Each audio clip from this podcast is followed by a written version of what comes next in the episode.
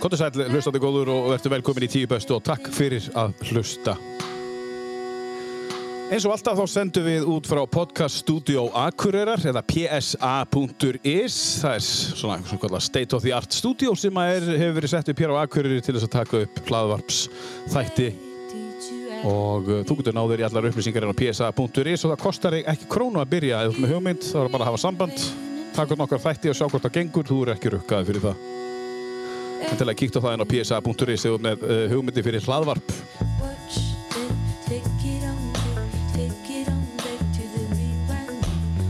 Kostendur þáttarins eru sem segir, það er Gleratorg sem að kemur á þættinum ávallt og við þokkum fyrir það. eh, Gleratorg, vestlunarmiðstofan okkar hér í hjarta bæjarins. Takk, Gleratorg. Dressmann er meðalanis í Gleratorgi og á fleiri stöðum á Íslandi. Dressmann er norst fjölskyldufyrirtæki sem var stofna 1967. Sjálfur hef ég mikið gaman af því að hafa dressmann með mér hér í liði þar sem ég er hálunólmaður og móðum minni norsk og uh, fagna því að hafa dressmann með mér í þessum þætti. Takk dressmann fyrir að uh, kosta þáttinn tíu bestu. Nestek uh, er statt hér á Akureyri uh, sömulegis eins og um all land. Þú fer á nestek.is og bókar dekkaskipti sem við þurfum að gera. Þú átt að vera búin að því núna en við sitjum hérna núna í miðjum mæmániði 2021. En ef þú ert ekki búin að því þá eh, færi 20% afslátt hjá Nestek á Akureyri. Ég veit að þeir 20% afslátt ef að þú uh, bókar uh, tíma hjá þér, s- þeim og þú fær afsláttinn þegar þú borgar og segir einfallega bara við á PSA sem stendur fyrir Podcast Studio Akureyr Takk fyrir það neðstekk Akureyri Svo er það Black Box Pizza á Akureyri sem að uh, er með þessar æðislu súrdeigs botna og bræðgóðu pizzur sem að renna vel niður og eru bræðgóðar uh, Black Box Pizza stödd í miðbæ Akureyrar Takk fyrir það Black Box X-Mist er sömulegis að kosta þáttinn X-Mist á Íslandi, það er uh, úðinn sem er komin í staðin fyrir þannig hefðbundna spritbúrsa, við þakkum fyrir það X-Mist á Íslandi, takk fyrir að styrkja þáttinn okkar tíu bestu Svo er á splunkunýtt eh, fyrirtæki sem heitir Markþjálfun Norðurland sem að eh, er eh, að hefja já, störf sín hér á Akureyri að setja upp nýja heimasíðu og, og, og viðtals herbyggi og finnur þá hérna á Facebook Markþjálfun Norðurlands, takk fyrir uh, kostununa á þáttinn tíu bestu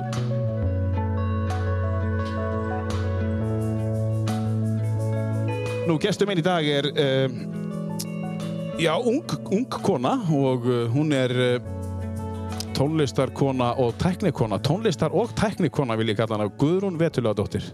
Þú velkomin. Takk kærlega fyrir. Gaman að fá þig, takk fyrir að koma. Já, bara takk fyrir að bjóða mér. Fyrst ári byrjum, uh, við byrjum á þessu lægi hér Já. sem að, uh, sem að, uh, já, þú svona pínlítið, hafði svona pínlítið puttan í að byrja á. Af hverju þetta lag? Sko, þetta er Silvan Esso. Ég, Já. ég, sko, ég veit ekkert ótrúlega mikið um hana, en ég fíla músikinn hennar rosa mikið. Þetta er, hún einhvern veginn nær að balansera einhverja elektróning við akústík, svo fallega, Já, finnst já. mér. Hún nota mikið svona lúpur, jafn, lúpur jafnvel röddina sína, Já. samplar og er síðan líka með live tónlistafólk með sér. Mhm. Þannig að hún einhvern veginn, þetta er eitthvað svona sem ég er bara mjög spennt fyrir í tónlist, það er að Mm. taka org, svona, já, organisk element og setja þau yfir í eitthvað tækniform Mm. og spila þau það. Þú ert tækni, svona, gúrú, Sko, þú ert ég- tækni, svona tónlistar tækni kona. Já, ég sérst er að klára nám í music production frá Dublin Já. og hérna hugsaði mig aldrei sem neina, eða þú veist, neina tæknikonu fyrir það. Nei. en svo er þetta bara þú veist, ég er meira og meira eftir því sem ég bara gera meira og vinn meira við þetta að sjá þetta bara sem þú veist, bara verkfæri til að koma því sem er í kollinmámanni niður á hátt sem að make sense Já. þannig að þú veist og þetta er í rauninu bara miðill fyrir list Já. finnst mér, sko. Hvað er þá þitt verkefni þegar þú færð uh, lag í hendunar eða verk í hendunar? Hvað átt þú að gera? Þetta sjá til þess að þetta hljómi sem best.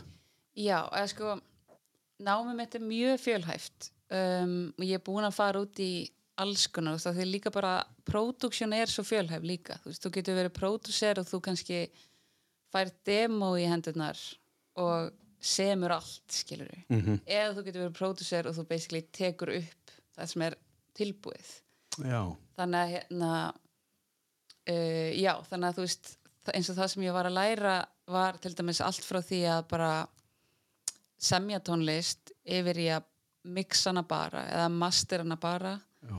eða jafnvel vera með þú veist, hanna hljóð fyrir eitthvað hljóðhönnun eins og bara fyrir þú veist, Já, já.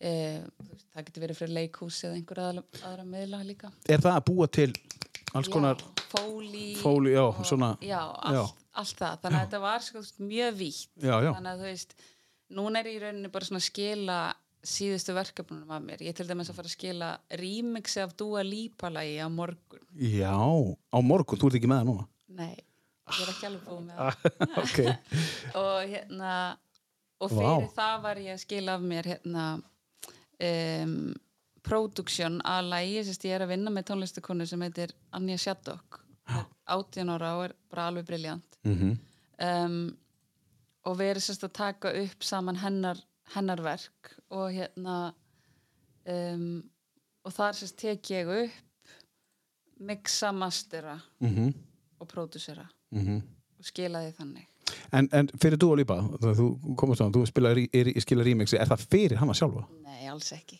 Nei, fyrir, fyrir, fyrir hvernig er það? Er Bara það skóla minn. bara fyrir skóla, en já, ok, já, þetta hljómaði rosalega, Þetta ljómaði rosa. ro- rosalega svona. en, en þessi stelpa, Shadok, Já, hver er það? Hún er, sko hún er sem sagt, hérna, ég kynntist henni um, á Egilstöðum. já, Hún var sem sagt bjó á fóðskulfyrði þegar hún var ennþá í grunnskóla. já, já, Og ég, sem sagt, frá sko, 2016 til svona 2020, þá vann ég mikið með stelpur okka. já, og var sem sagt byrjaði bara sem gítarleikari eða sem gítakennari Já. og svona, svona hvað heitir það, hljómsveitastýra Já. að þetta eru sem sagt sumabúðir, svona rock sumabúðir Mm.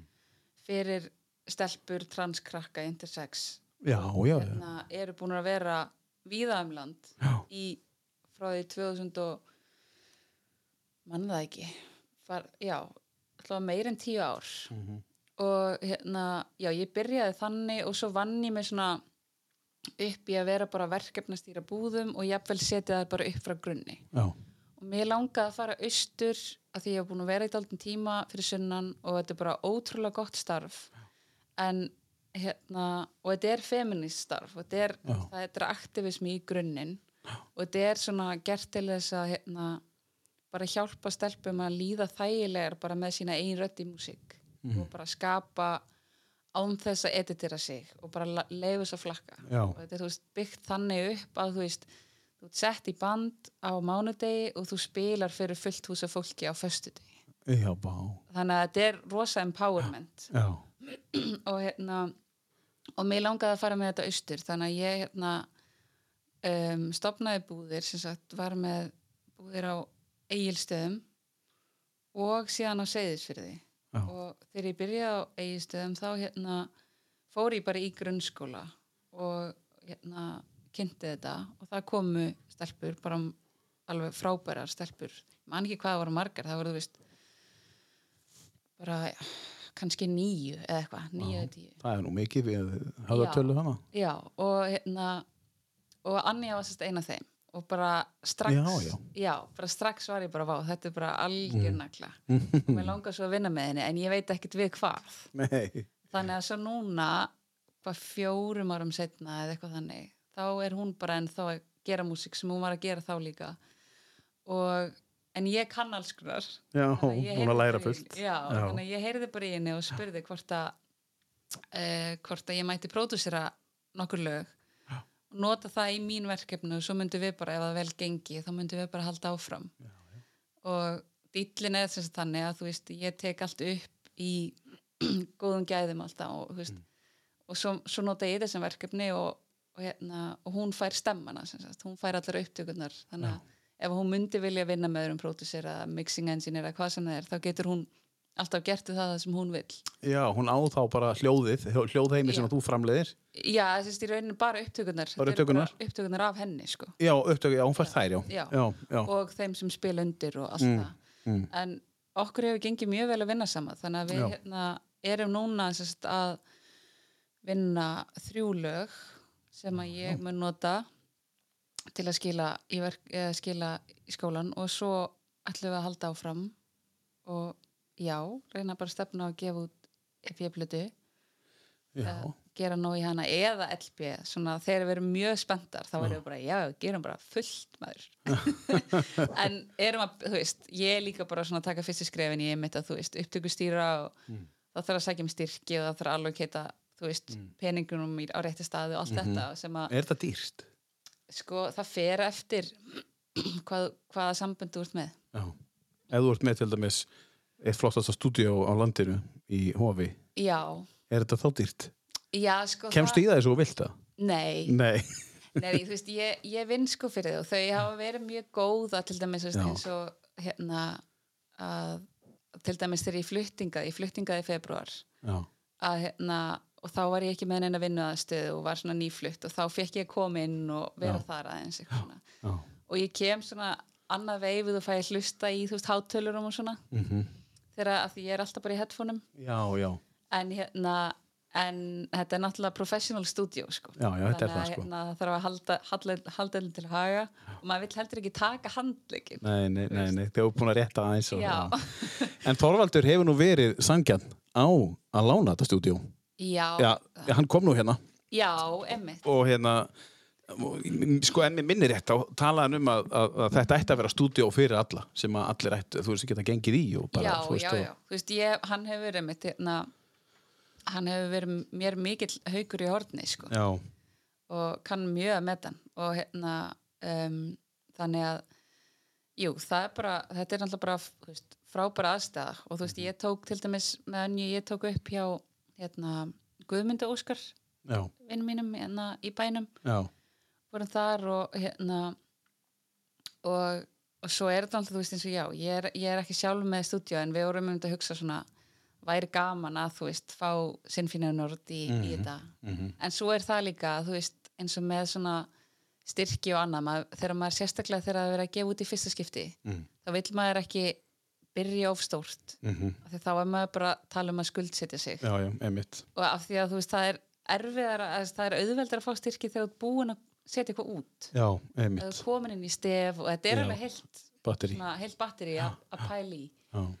En Sinfonía Nord, Já. hún er orðin svolítið stór og þekkt já, sko út af þessu Hollywoodverkunum þetta er bara geggja dæmi Þetta er orðið risastórt og þekkt í, í öllum heiminum sko uh, sko lítil hljómsett hér fyrir norðan Mhm. mm. þetta er alveg galið sko já. Þú hefur verið að taka þátt í því að tæknast eitthvað í því eða ekki jú, ég vinn núna í þessu teimi við erum þrjú eða þú veist fjögur með Þorvaldið þegar ég, Þor, ég og hérna Þóruldi Gísla, hún sér um allt svona skipulag og, og nótnaverslu og slíkt og Árni Sigurðsson, hann er upptökustjóri mm -hmm.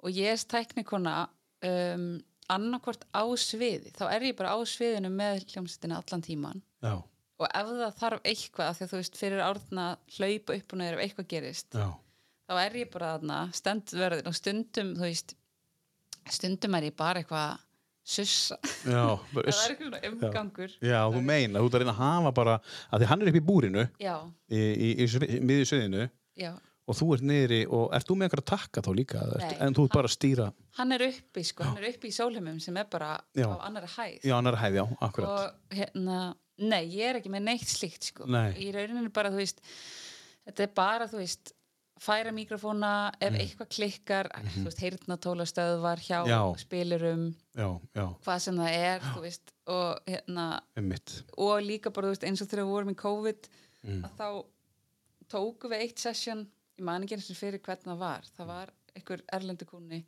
tókum eitt session, en það máttu bara vera tíu á sviði Já, þá var það bara fyrsta fiðla 20 mínútur út já, viola og 20 mínútur út og sella og þá var ég að hlaupa til og stilla já og Þá þarf að stilla all sviðu upp aftur og bara, þú veist, bara tengja mig Já, tengja. mikrofóna eitthvað Já, svona lætur að hljóma þess að sjá mjög að ísi En sko, Hollywood og, og, og allir það voru fullt af fyr- fyrirtæki sem að tóku þetta ekki að sér, þetta voru flóki fyrir þá já, já Þannig að þetta kom hingað einmitt uh, Þú veist, getur af hverju Þú veist, af hverju eru, getur við tekið sko, náttúrulega af því að við höfðum betri stjórn á faraldrinum Já, af því ég held að allavega eins og ég skilði það, það var það þannig á einhverju tímapunkti að það var basically, það var einhver það var einhver sinnfrið hljónst, ég veit ekki söðu kóri eða eitthvað og svo á Íslandi sem gáttu gert sem þetta gáttu gert þetta sem gát, máttu vera það mörg á sviði já, Mm. að það var hægt að gera þetta þannig að þetta væri praktíst sko. já, magnað já, alveg frábært alveg svo að segja að vera að taka upp bíómyndi núna í Ástralju á fullu. já, emmitt Já. svona sa- svipað Einmitt. Að Þetta, já, þetta er búið að vera mjög skemmtilegt sko og hérna og bara gaman að fá að fá, þú veist, þetta bara inn í bransan Mhm. að með ég er ennþá að læra já, einmitt það eru bara sjúklega mikil forréttindi finnst mér en segð okkur aðeins hvaðan þú kemur og, og, og, og hérna, þú ert af vestan eða ekki Jú, ég ólst upp á Snæfisnesi já, Sveitabæ já, uh, svo fluttum við austur á hérað 2000, já, 2000, þegar ég var 10 ára já, þannig að ég segi alltaf, já, ég er svona bæði vestan og austan já, þú bara begja megin hann eiginlega, Já. já.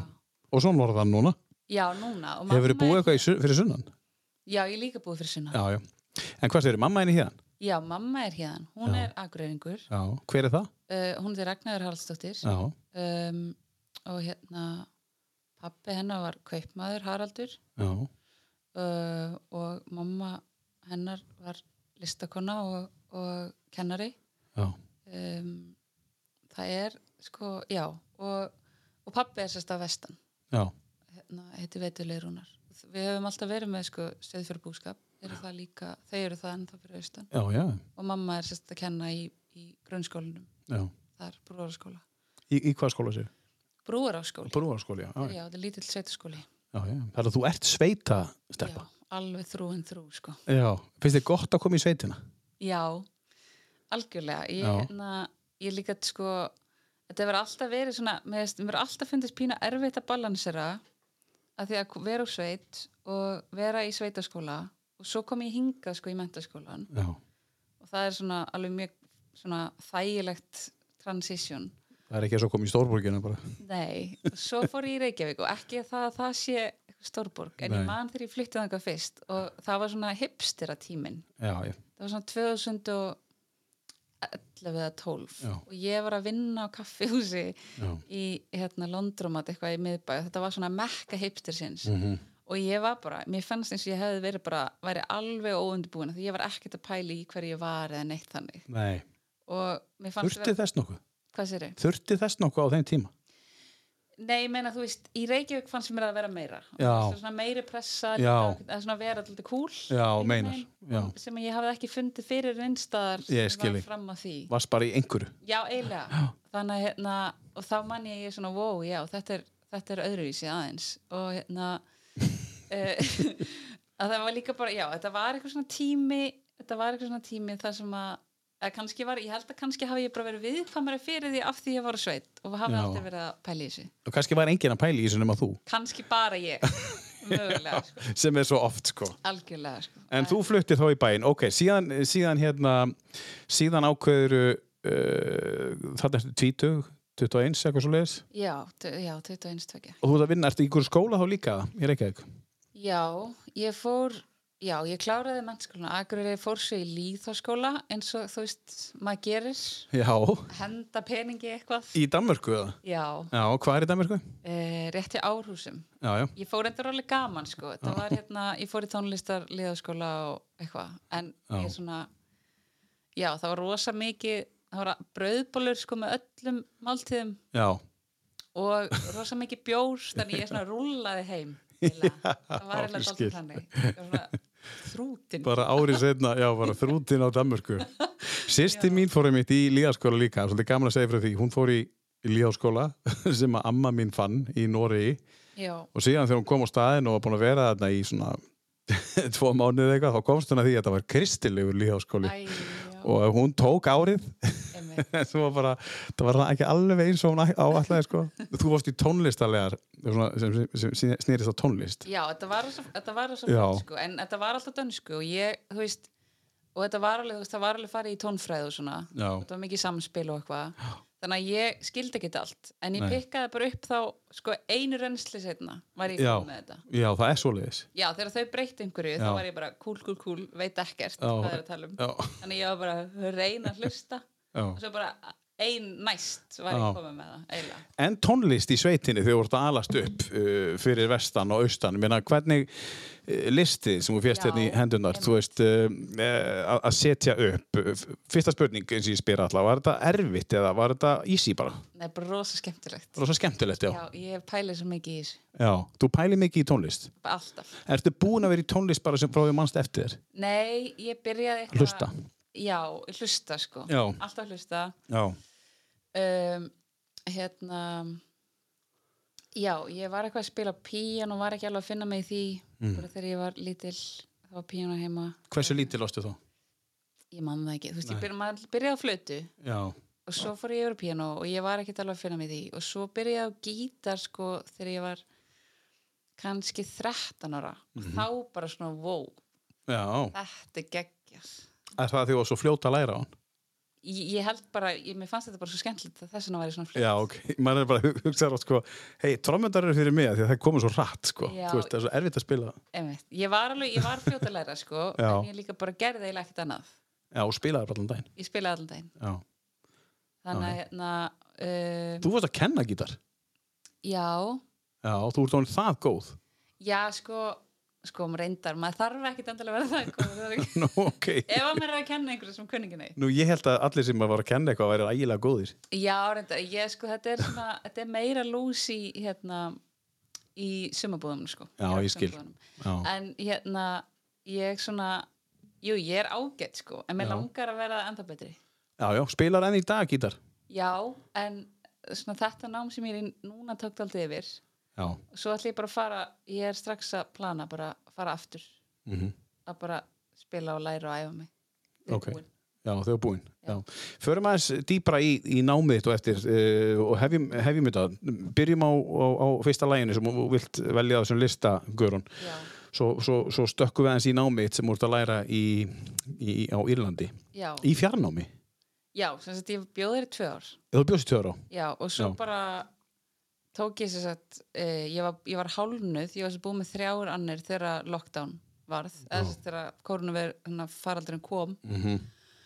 og þá vor, var ég bara heima í einu önn Mm -hmm. bara í Dublin Já. Mm. og svo kom ég hingað í lokmæ og fór ekkert aftur út Nei, ok Tökum þessa umræðu eftir, Já. á hverju var að byrja? heyrðu, yes, byrjum á því Já, þú vilt byrja á yes bara Já, ok, ok um, um, Hver kynnti þið fyrir yes? pappi, Já, hann keipti þessa þetta var, sem sagt, við keiptum eða, hann og mamma eða e, annarkvort er að keipti þessi geistiskspilara já, Þegar það hvað var- sagði geisladerskaspilara? já, Já, þú sagði geisladerskaspilara, ég hef aldrei heyrt ég hef ekki heyrt þetta lengi Geislaspilara? já, er það Já, geisladerskaspilara, það er bara frábært Já, það á að segja það, sko já, emmi hérna, og þetta er sem sagt, þetta er bara plata sem hann keipti hann keipti bara nokkrar, bara að geisladiska það er að segja, Já, og ég var bara hlust, hlustað á þá já Mhm. fannst þetta spennandi þetta er, þessi plata kom út 94 þetta er ekkert besta plata, yes Nei, nei. yes er náttúrulega bara svona 70s prop rock band Já, já. en, en þetta lag, þetta bara sprengdi á mér hausinn En sko, þú ert bara fjóra, fimm ára þegar þegar og fimm ára, ég, þú ert að spila þetta. ég dýrkaði þetta Og þú ert með, ertu með headphone þarna Já, og allt í bara botni. risa headphone og Já, bara er að með svona fíla. snúnings, snúnings svona headphone, þú veist það með svona, já, alveg botni já. Herri, heyrum aðeins í Yes og, og þetta lag heitir The Calling. Hún var fjóra, fimm ára þegar hún var með þetta í eirónum í botni fyrir eh, vestan eða ekki þá. Jú. Já. Þetta er lóstinn Yes.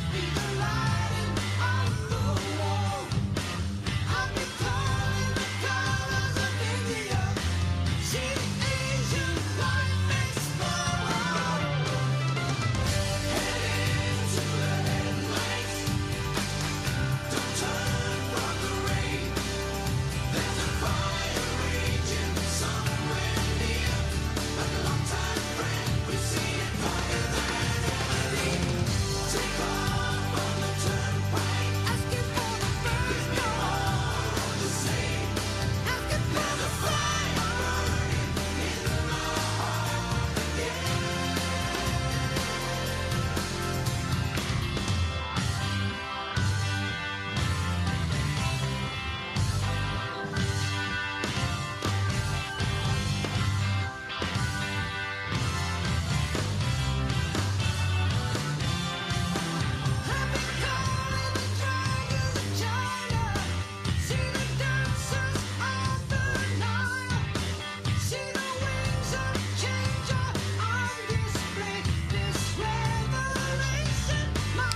Já, þetta er uh, hljóstinn Yes og, og uh, við vitum það hérna, vinurinn og samstagsmaður Þorvaldur Bjarni er mikill Yes maður Einmitt, og já, hérna, hefur unnið með honum Jan Andersson. einmitt, mér fannst það, ég las það einmitt á lýsinguna hérna á podcastun hann. Já, Mjög- bara að hann fekk símringingu. Já, það er rosa. Þú veist, ef að þú fílar einhvern Mhm. og, og þú elskar hann og dáir hann og svo allt í hennu bara eftir með mist call frá honum Það er gekkja. Það er eitthvað einstakt sko.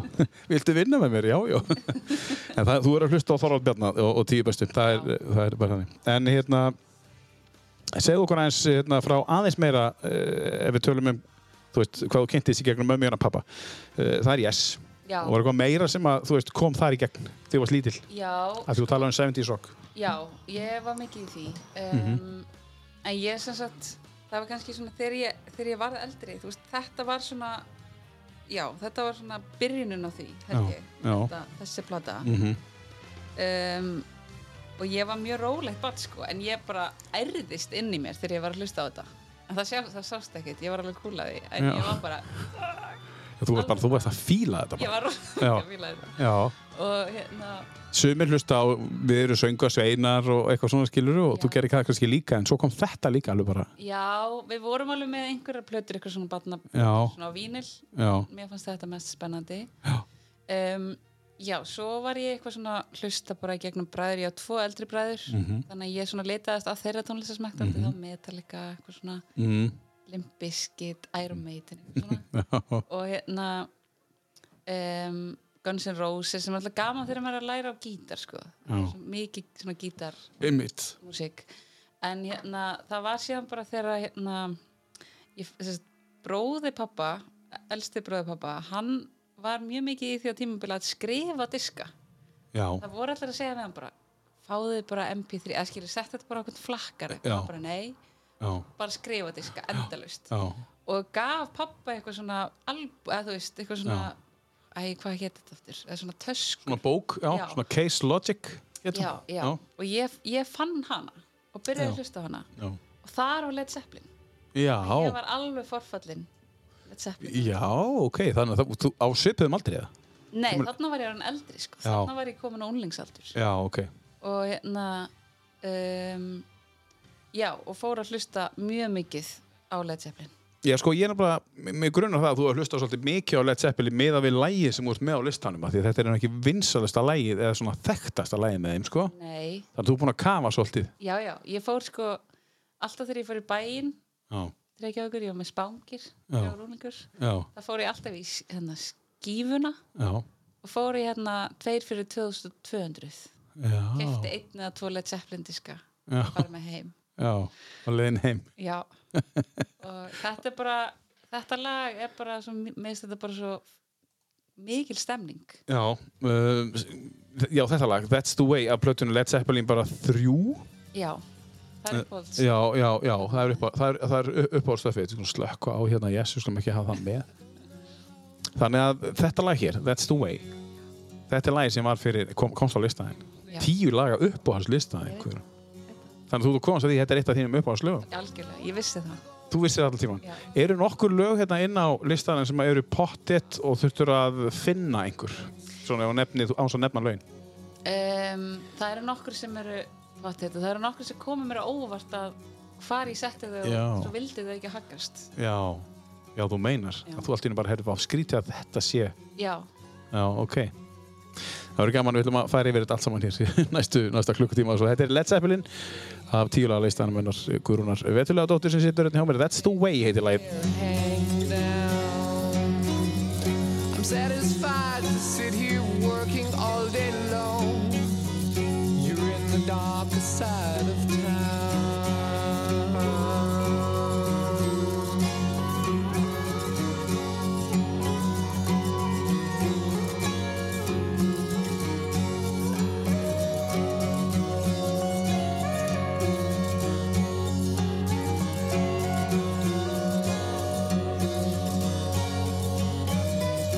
And when I'm out, I see you walking.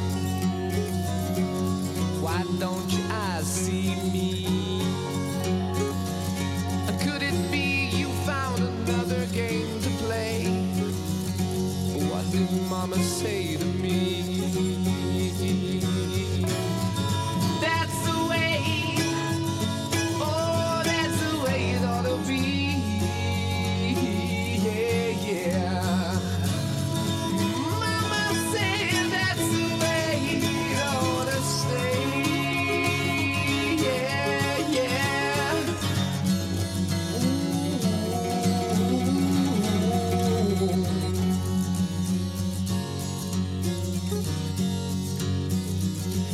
Yesterday I saw you standing by the river, and weren't those tears that filled your eyes?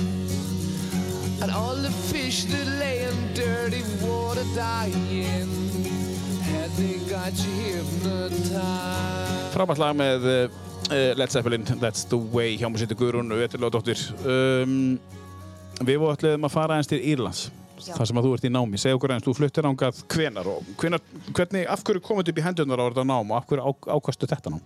um, já, ég var sem sagt, fyrir það var ég, bjó ég út í Englandi Já, hvað er í Englandi? í Brighton mm. það var frábært Er það ekki? Jú. Já. ég var sérst, ég, ég tókist heimsbyggi gráðu mm. bjöða frá HÍ og fór sér síðasta nám, síðasta ára mitt fór ég til hérna í skiptinám, University of Sussex Já, já. og, sem var alveg frábært Eða University of Success, er svo margir segja. Einmitt, ég skilu það að það er upplist Já. og hérna um, já, mér fannst það ga, mér fannst það rosa gaman og ég var sérst bara, ég var með írskan kennara mm. og mér fannst hann vera eitthvað svo hérna svipaður Íslendingum á einhverju leveli Ég veit ekki, það var bara eitthvað svona það var eitthvað þar og mér, mér fannst þetta eitthvað svona forvitnilegt að hérna um, einhvern veginn svona bæði eigjur bæði einhvern veginn hafa verið nýlendur einhvern veginn búljaðar Mhm, já. konungstjóðum Einmitt. og hérna já, og bæði þú veist eins og móðuharðindin hér og svo var hérna The Great Famine eða ég veit ekki hvað það kallast það sem allir borðuðu kartöflur mm -hmm. já, alveg rétt. já, Ég- ma- maður er eitthvað sem er að rífast upp núna bara einhvern tíðan síðan í sögutíma bara í, fyrir löngu síðan þannig ég var, mér fannst þetta eitthvað ég veit það ekki, það var eitthvað svona sem kveikti áhuga minn já, og hérna og svo já, ég kláraði það nám og svo langaði mig einhvern veginn bara að fara að ge- vera bara að gera tónlistina meira for real en langaði bara já, að læra eitthvað læra Mm. það og hérna um, í rauninu valdi þennan skóla út af masternum sem að er í kvikmyndatónlist hvernig, hvernig er það? hvernig, Eh, hvernig það nám? já, Ég, nefnilega, ég veit það ekki nei uh, en ég var bara að hugsa bara, já, ég tek bara BA gráðuna já, fyrst já, ég skil og það er, þú veist, þetta var svona þú veist, hljóðtækni og tónsmiðar Já. produksjón og eitthvað svona já. og ég bara, ég veit ekkert í því og það er það er gott að vita eitthvað vita en, það. en áhugiðin, já, fyrir mas- eða þú ætlar að taka masterinn já, já, en, en áhugiðin lág þarna þá já, eða varstu Já. eitthvað ennþá að þreyfa fyrir þér meinar lá í, í í hérna, að tæknast og, og vera í tökkunum og, nei, ekkert Nei, ekki ég neitt, sko. vissi ekki eins og hvað ég verið að fara út í nei, einmitt, eins og þú saðir áðan já, ég var bara, já, já, þetta er örgulega skemmtilegt Mm. og bara svona í rauninni þetta var það að þú veist og ég veit ekki hvort það er þú veist, kannski er það meira af því ég er kona í þessum bransa Mm. að langa til að geta labbað inn í herbyggi og vita hvað er að frétta já, ó. þú veist, það er meira það að geta labbað inn í upptökuver og Já. skilið og kunnað svolítið já, það var eiginlega þessna sem ég valdi að fara í þetta frekar en að fara bara í þú veist, tónsmíðanám mhm, sem ég hefði náttúrulega alveg getað gert þannig mhm að ég fór meiri í þessa tekni af því Já. að þú veist já, af því að það bara, ég er einhvern veginn líka bara búin að læra það aðeins, ég sérst að túraði með vök líka já, sem hérna, svona sessjónspilarinn þeirra tók eitt sísun með þeim já, frábært band óksleika mann, fórum út um alla Evrópu og hérna og emitt e, Bretland líka og þar var ég bara, þú veist, allt svona tæknit át, tengja allt og gera ég er bara, ég veit ekkert hvað ég nei ég bara, ég bara sýni mig hvar ég á að tengja mitt fyrir námið semst, Já. þú bara, já, en núna ertu bara núna myndi ég alveg skilja allt, Já. þú veist já, en þá var ég bara, ég, ég veit ekki, ég skil ekki neitt og stundum voru að segja eitthvað bara ég þarf bara,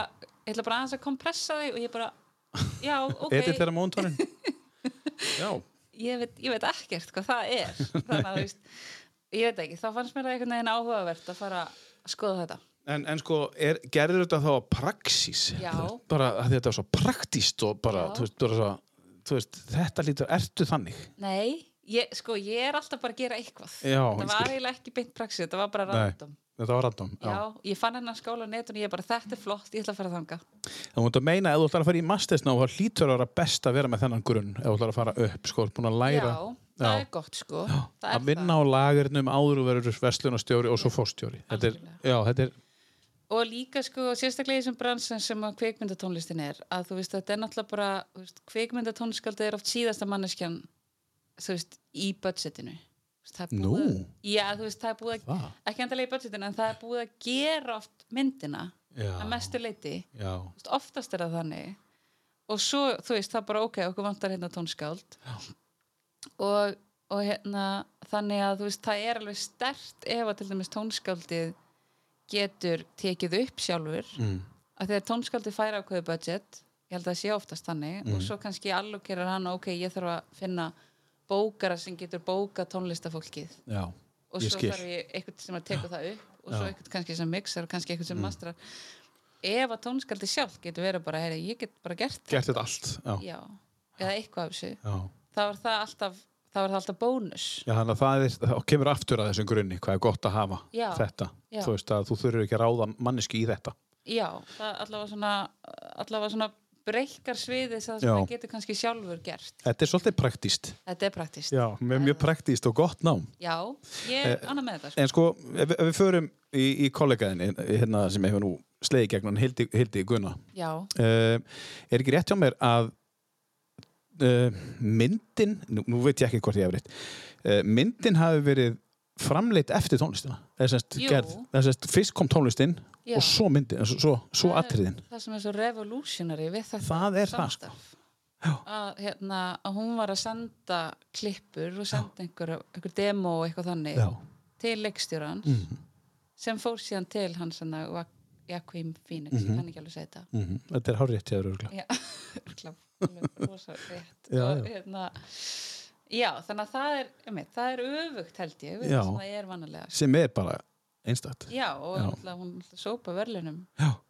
það var eitthvað moment, hún Já. kapsjuraði einhverja eitthvað En sko, getur að verið, ekki það að hún er fangmaður og frábær í öllu og hún, hún er búin að standa sér rosa vel, en getur verið að þetta sé kannski rétta leiðin að fara, þú veist, til þess að fyrir sko já. fólk í þínu fægi, kannski Kannski- svona, Það kannski Draumastaða. fer- já, já al, ör, alveg þú veist draumastaða já, kannski fer eftir líka bara hversu listrænt listræn nálgunin er já, og hversu ofarlega í því listræna ferli tónlistin er já, ég skil, ég held það og þú veist það sem hún er búin að vera að gera svo ótrúlega vel eins og líka bara í hérna, Tjer, hennar Tjernobyl já, þáttunum ég eftir að sjá þá. þar sem hún tók upp bara hljóð í kjarnorkuverum og það var Já. tónlistin Já, einmitt. og þú veist þannig að hún er einhvern veginn að sameina hljóðhönnun við tónsmíðar þú veist, á einhvern hátt sem að er, hefur held ég ekkert verið gerður áður Já, og hérna og er svo töff þannig að þú veist ég held að þú veist hún er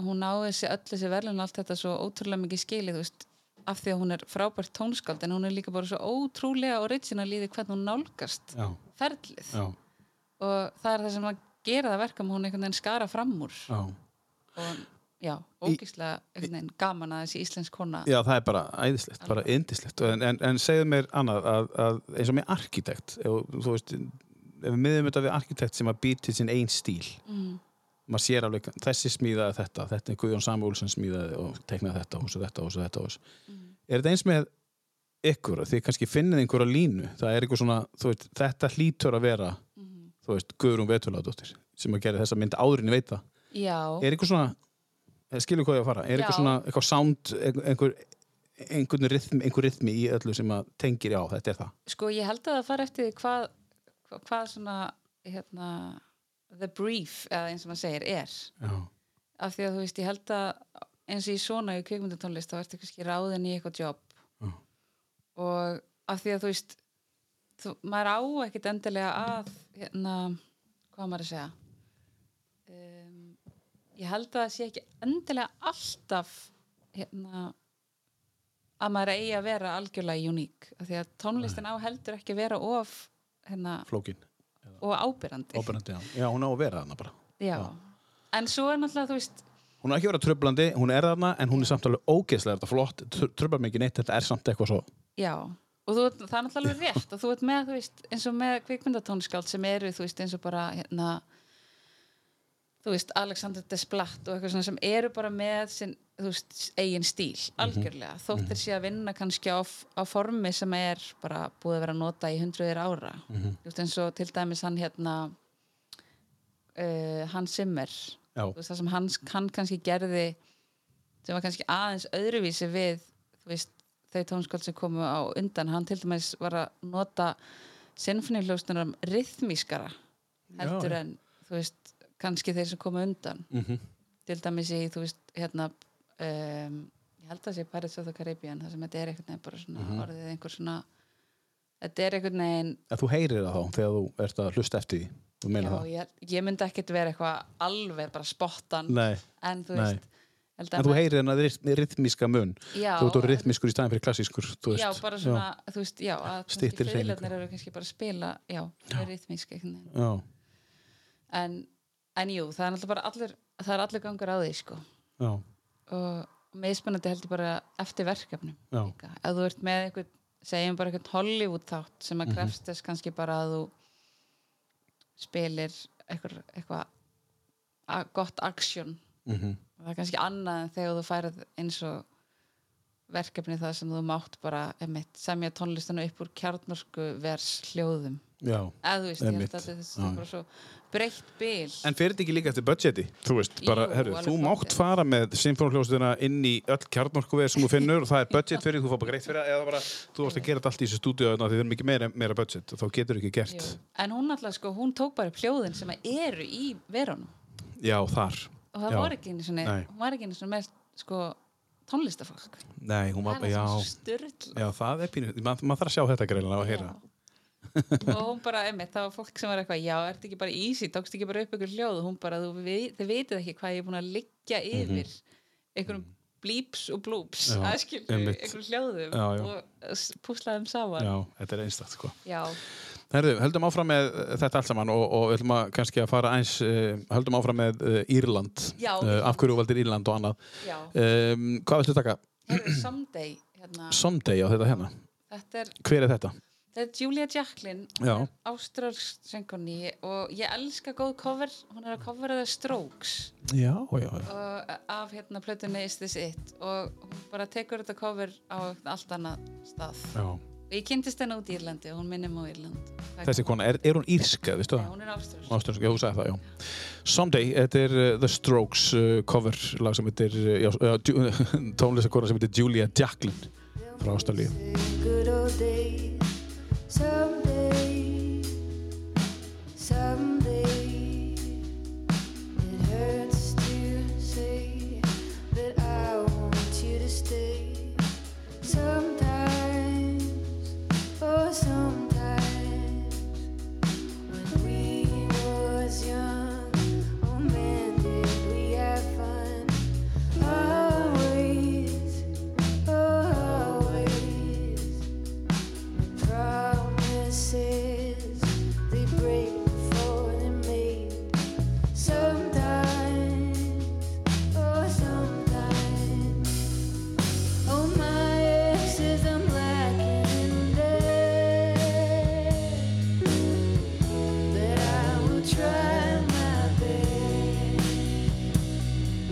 You say you wanna stay by my side. Darling, your head's not Það er eitt sem ég langar að spyrja þig, hérna, Guðrún. Þú veist að tala um, uh, hérna, uh, þú veist, hvernig tónlist er hún í dag, hvernig, á- hvernig á- tónlistin á að vera þarna, án þess að maður heyri það, en samt er hún svo ógeðslega flott að þú getur fengið óskarsvelum fyrir það. Er þetta ekki orðið svolítið mikið, þú lærir heimsbyggi, Já, uh, er þetta ekki orðið svolítið mikið sálfræði líka í tónlist? algjörlega, Þú það er veist- alltaf verið. Já, hva, hva, hvernig, þú veist, til þess að ná til, þú veist, fólks? Sko, já, þetta er, það er svo mikla pælingar Já, til um þetta. já. Að hérna, Hjálpar heimsbyggið þér? ég veit ekki hvort hún hjálpi mér. Eða- Nei. að hægja á öllu um, já sko hérna það er, já í kveikmyndatónlist um, hvo- þú veist hvort að hérna að því að stundum ertu með tónlist sem að komplimentar kvikmyndina Já. ótrúlega vel Þú veist, það er eitthvað hræðilegt að gerast og tónlistin verður ótrúlega tens mm Mhm. -hmm. svona einhvern veginn verður tens með og svo er oft farið í alveg hináttina eins og til dæmis í hérna Reservoir Dogs Quentin Tarantino Já. mynd, þar sem að er verið að pinta mann Já, og það er eitthvað svona jolly lag undir. það er stuck in the La, la, la, middle la, of la. you Já, undir já, einmitt. Hann er að dansa svona stuck in the Já. middle with you. Ég, er það ekki, ég held að sé þetta Jú, ég held sér rétti að það er eitthvað Já. skrítið atrið. Þetta er Já, bara já. stór undarlegt atrið, sko. en þetta er samt það sem að mann eftir Já, þannig að stundum er þú veist, það sem kontrastar atriðið já, í rauninni það sem komplementar því best já, ég skil. þú veist.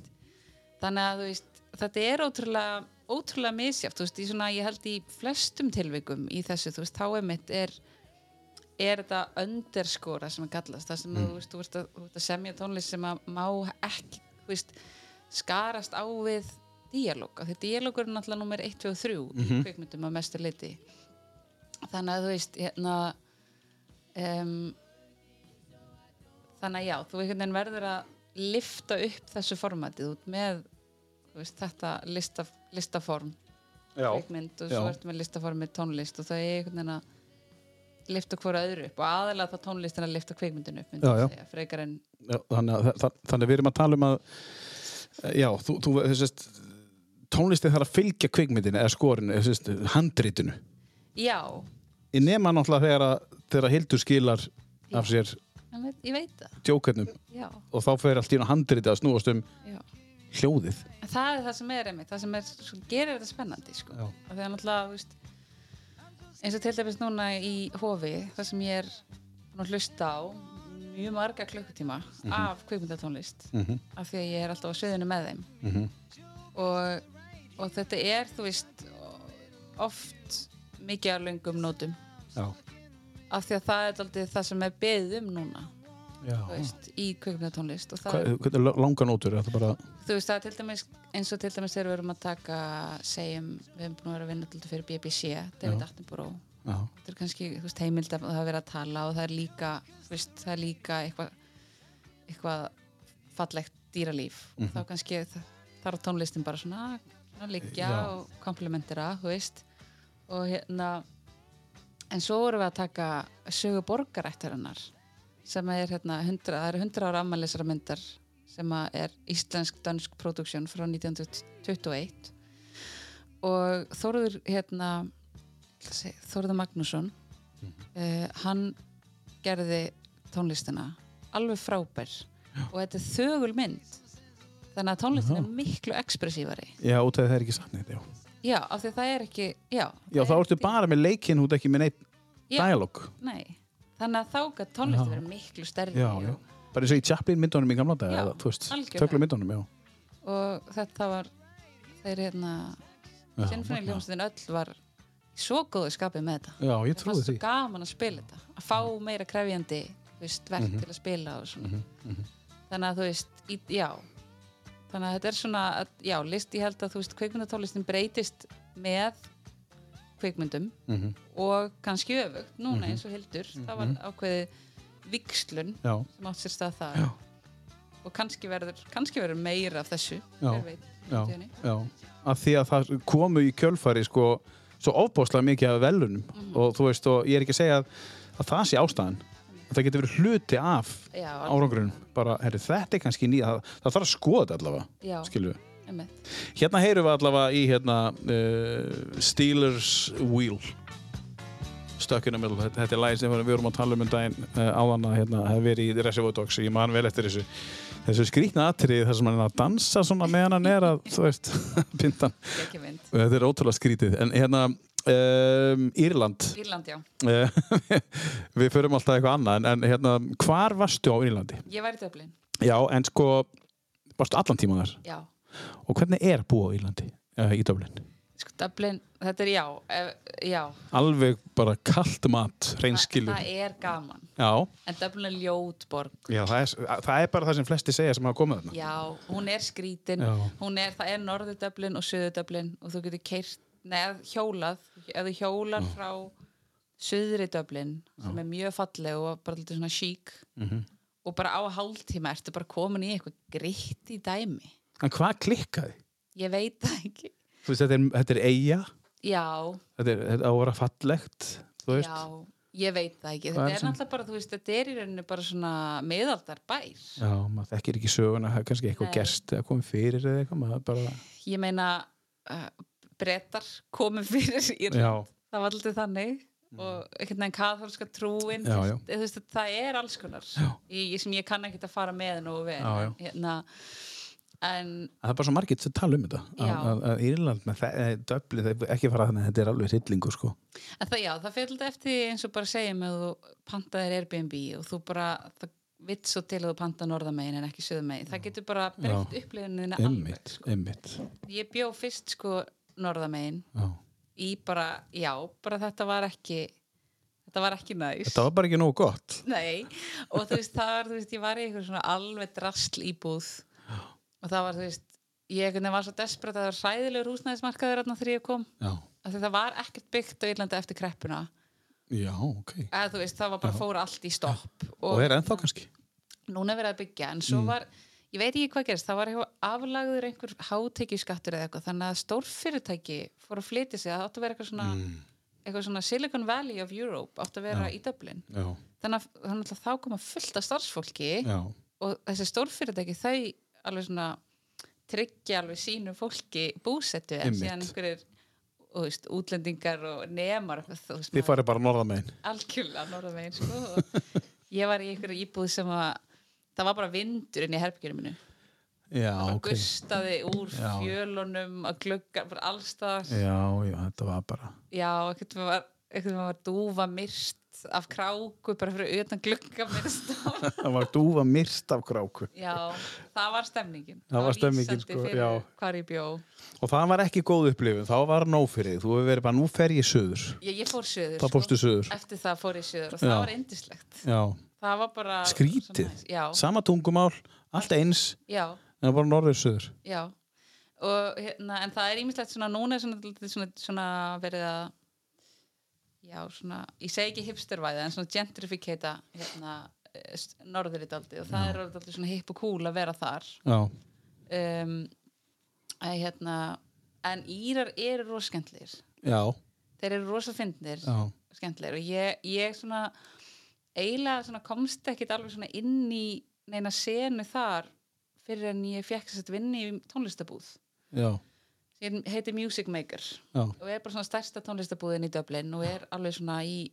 nýri bæ á þremur hæðum mm, og ráða bara þú veist, fólk sem er í músík já, og, og þar einhvern veginn kynntist í írskri menningu meira og svona pöppastemningin og já, Mm. já, við erum Það komið svona í er- krátið. það er, já, það er, það er skemmtilegt sko. En, en, en þetta með að, sem maður heilt líka, að, þú veist, megi ekki vera úti eftir eitthvað ákveðin tíma, döblin, konur, er þetta eitthvað mýta bara?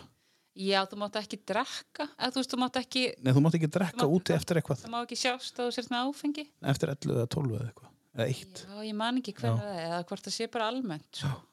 en ég, þetta var ekkert eitthvað sem ég tók eitthvað eftir sko. Nei, þegar þú kemur heim já, uh, og ert þá komin í íslenska menningu aftur, uh, djamma til sex á mótnana. ég, ég fór beint í sótkví sem að búst það Já, já, einmitt, þú hefur ekki djammað síðan. ég hef bara eiginlega ekki tjáma síðan sko. Nei, þannig að hérna um, en það er, alveg- það er mjög, það er mjög svipað jam í Dublin mm. og heima og le lengi áfram.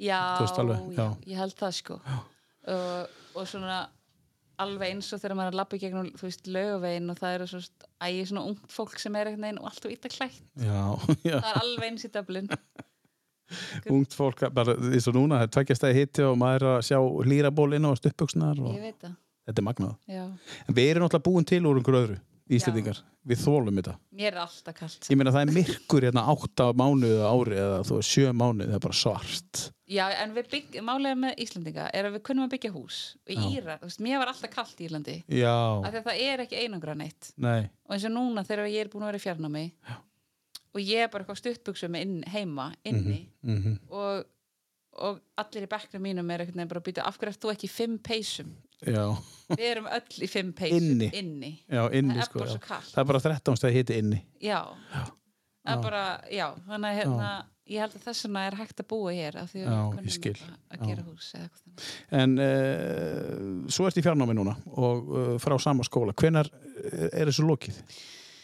e, ég held ég, ú- ég sko í- síðasta verknum fyrir ágúst ég er að klára rest að svona megnið núna svo bara í ágúst og svo er ég að vona að ég geti átti ykkur á útskrift með krökkunum úti Mm -hmm. allt úti mitt er ennþá úti ég pakkaði bara fyrir sumar já. og svo var eitthvað heyrðu við all já, í februar. já, í, hérna, ég flutti þess að heim til Íslands núna í mæ Já, var svoleiðis, já. já, Já, þannig að hjóli mitt og eitthvað svona er ennþá þar já, já. þannig að ég er svona eitthvað vona að ég komist þegar ég var bólusett og eitthvað já. Þú fest ekki veruna. nei, Nei. Það er nú gott. Við ætlum, að, við ætlum að taka síðan bara hvað þú ætlar að gera áfram Já. Eh, með námið. Þú ert, uh, þau eru búin uh, að spila næsta lag. Hvað hefur að taka?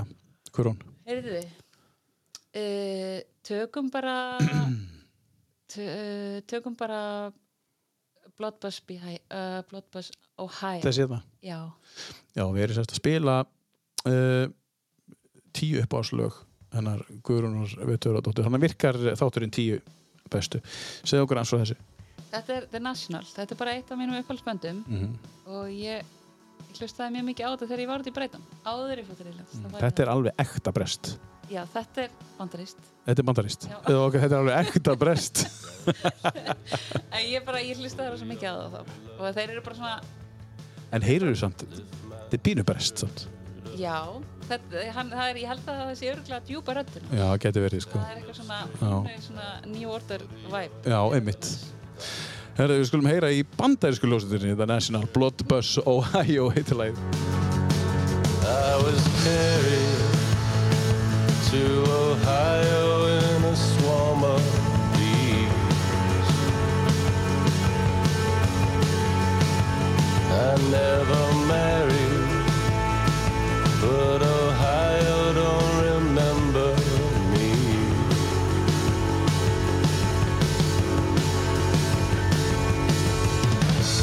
Lay my head on the hood of your car.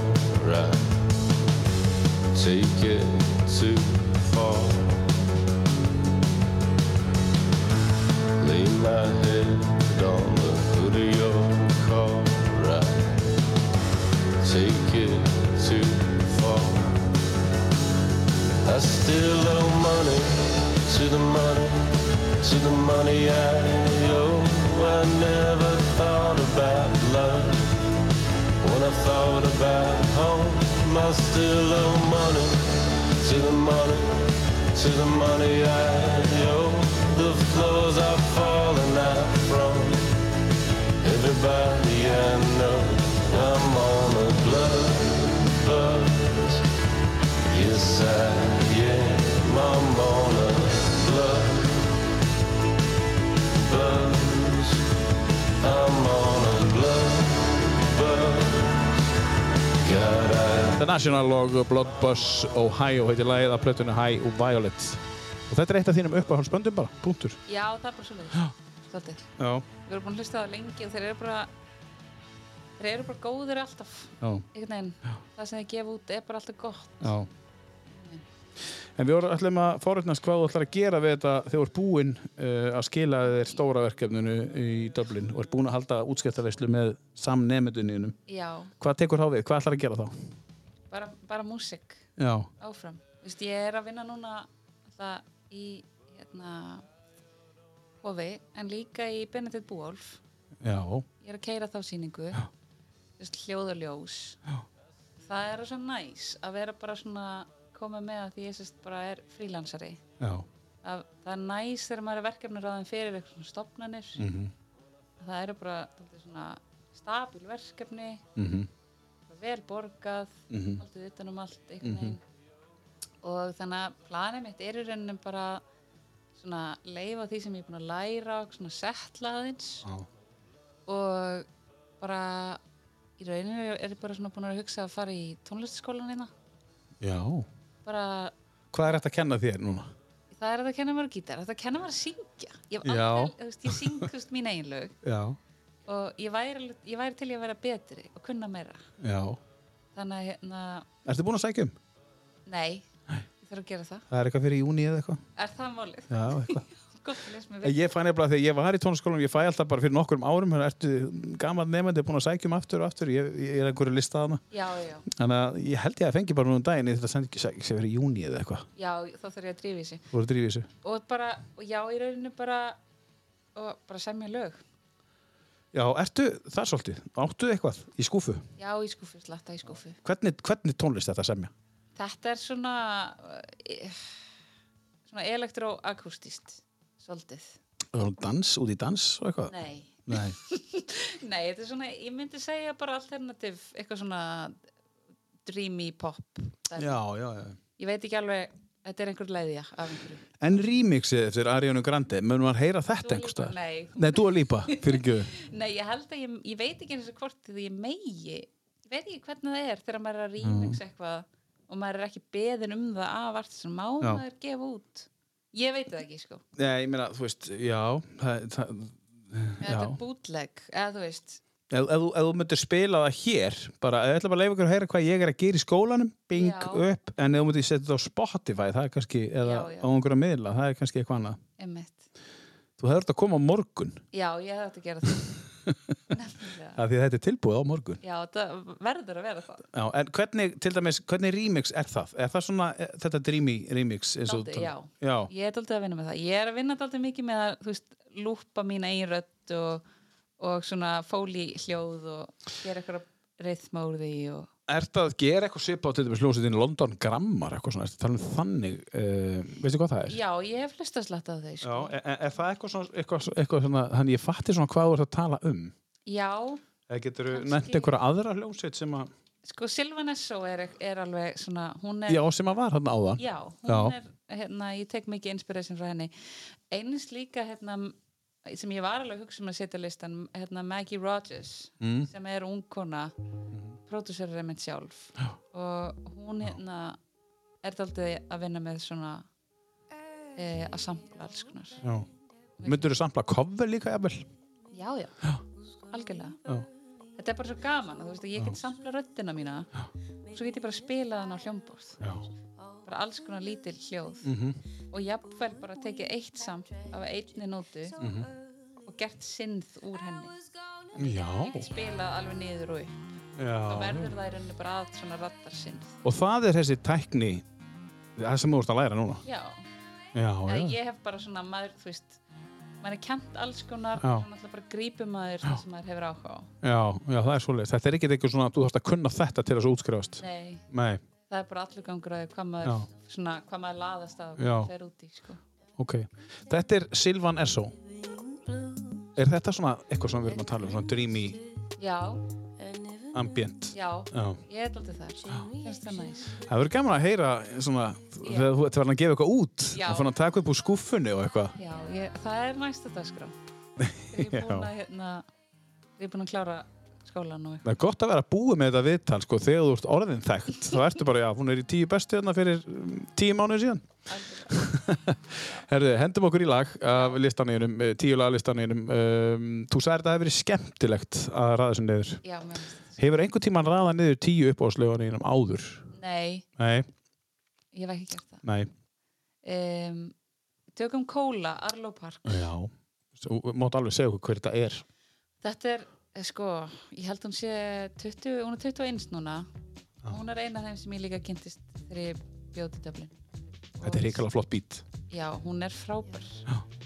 Hún er bara, þetta er svona dálítið teenage angst sem hún er að fjalla um mm. Hún er bara það góð að maður nennir alveg að hlusta á það Skau við Já, já Hérna, Er þetta meðan textin þá? já, Þú veist, ég meina já, það já, bara svolítið svona, Hún er þú veist, bara- þetta er erfitt og ég er í kvíða og... Já, ímislega þannig, sko Já. Og hérna, en Og ekki til að gera lítið úr þeim tilfinningum Nei, nei, alls ekki. sko. Að bara, hérna, Já, það er öruglega bara þannig.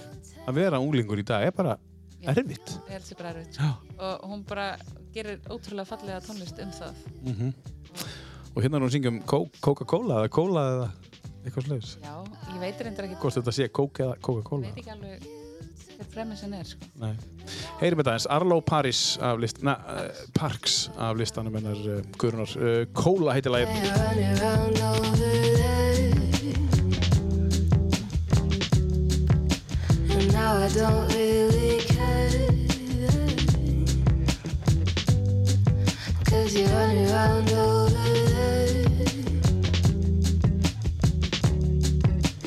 Now I don't really care. Cause you're running around over there. I'll miss your t shirt in the rain. The one that makes you look like Jared Way. Eating grapes in the back of the party. Throwing hands cause she drank your Bacardi. I know it's kinda dumb, but I miss the way you dressed all punk. With the black and the studs and the ripped up gloves. Bet she loved your tough guy front. So take your orchids elsewhere, elsewhere. I loved you to death, and now I don't really care. Cause you're running round over there. Yeah, you're running round over there. And now I don't really care. Cause you're running round over there. And now I don't really care. Já, herru, uh, við ætlum aðeins að fara í tæknileg atrið í þessu lagi Já, því ég er nú með því hérna fyrir fram að mig og, og þú varst einmitt að eh, segja okkur aðeins frá ef, ef við leiðum þess að koma hérna þe- það sem hún er að gera, hún hérna Mr. Mrs. Parks Þetta hérna And now I don't really care. Þegar hún fer svona niður og upp, hvað, þú veist Það er, það er, það er sem sagt Cause you're running round over there. á, vers, nei, á viðlæginu. Hvað sér, er þetta Það er í byrjununa á viðlæginu. Það bara, hún fer upp um Já. hálftón. Það er bara, Don't really það er ástæðan fyrir þetta lag er þetta. Mér finnst það bara eitthvað svo geggjað. Já, já, já, ég skil Er þetta hérna einhvers þar? And now I don't really care. Það er aðeins fyrir. Aðeins fyrir, já Við erum nú með hérna So take. fullkomið fórið til I checked your phone and no surprises. She's grinning from ear to ear in purple lace.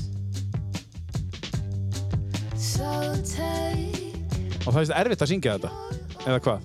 Nei, Nei, það er ekki erfitt, það er bara fáið sem gerir þetta þetta er bara næs. Já, svona næs dítill sem ég Já. tók sérstaklega eftir að mér fannst Já. ekkert swagger í já. já og já bara alveg að koma þér þarna veist. Já, Cause you're running round over there. Yeah, you're running round over there. það er þessi litli stíi já. Það er þessi stíi sem hún gerir hér. Og þú líktir þessu við bí, hérna, bíómyndina The Jaws. það er svona halvtótt Áltóldin, já. já. En þetta er, eh, já, þetta er, þetta er það sem að fræði, fræði fólkið heyrir þegar hlustar á tónlist. og þess vegna er lagið á listanleginum, en þetta er endari fínasta lag. Já. Af Því, sko, mér finnst, mér finnst sko byrjunin á þessu lagi bara, bítið bara ógeðsla flott.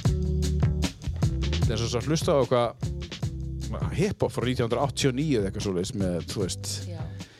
með einhverju, já, einhverju, einhverju æðisleiri hljómsett. já, þetta er þú veist það er Della líka- Soul eða eitthvað. þetta er hérna það er líka einmitt þessi svona pæling með að pro- þú veist, productionið er svo ótrúlega mikilvægt að lægi getur verið mjög einfalt Já, þú veist, bara sem slíkt já. en það er svona hvernig þú umvefur það öðrum elementum sem að gerir lægið oft sko.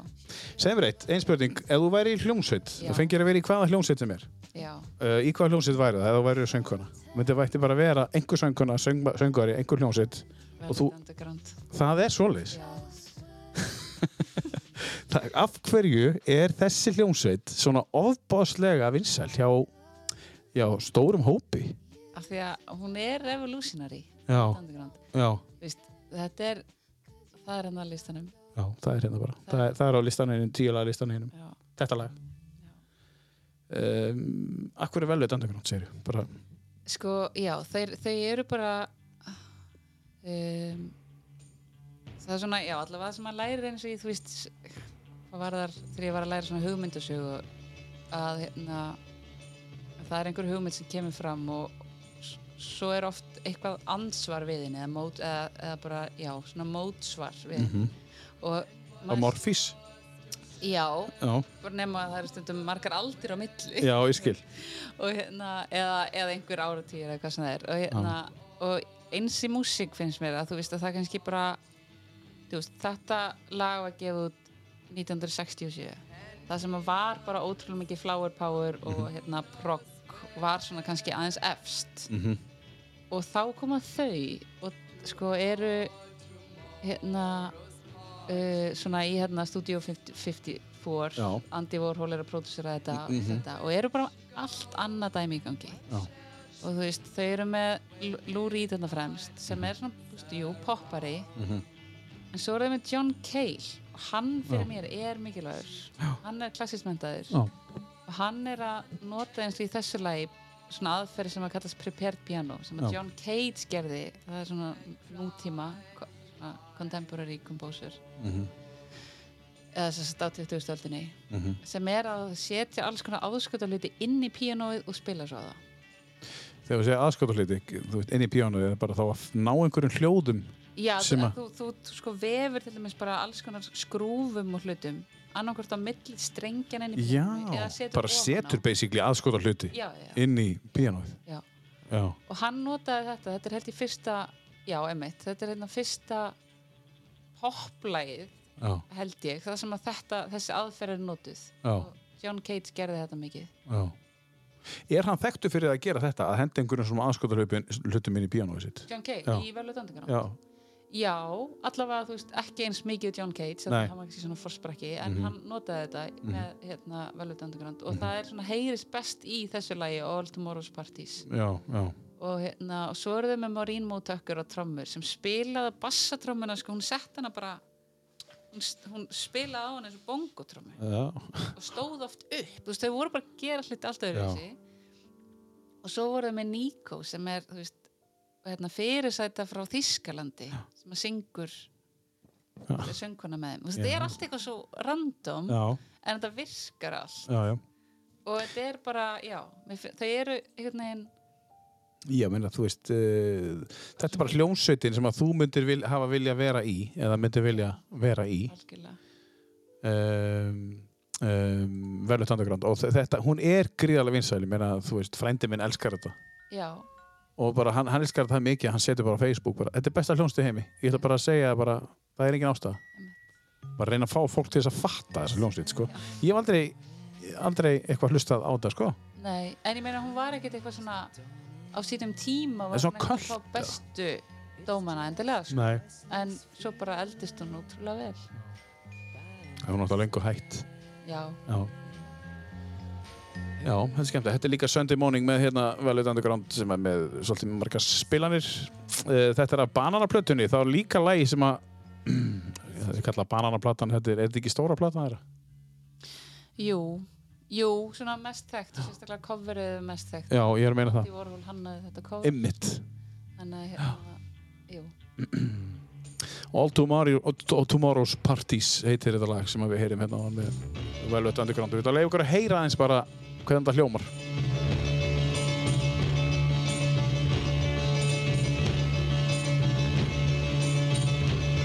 And what costume shall the poor girl wear? To all tomorrow's parties. A hand-me-down dress from who knows where. to all tomorrow's parties. And where will she go? What shall she do when midnight comes around? She turned once more to Sunday's cloud. and cry behind the door.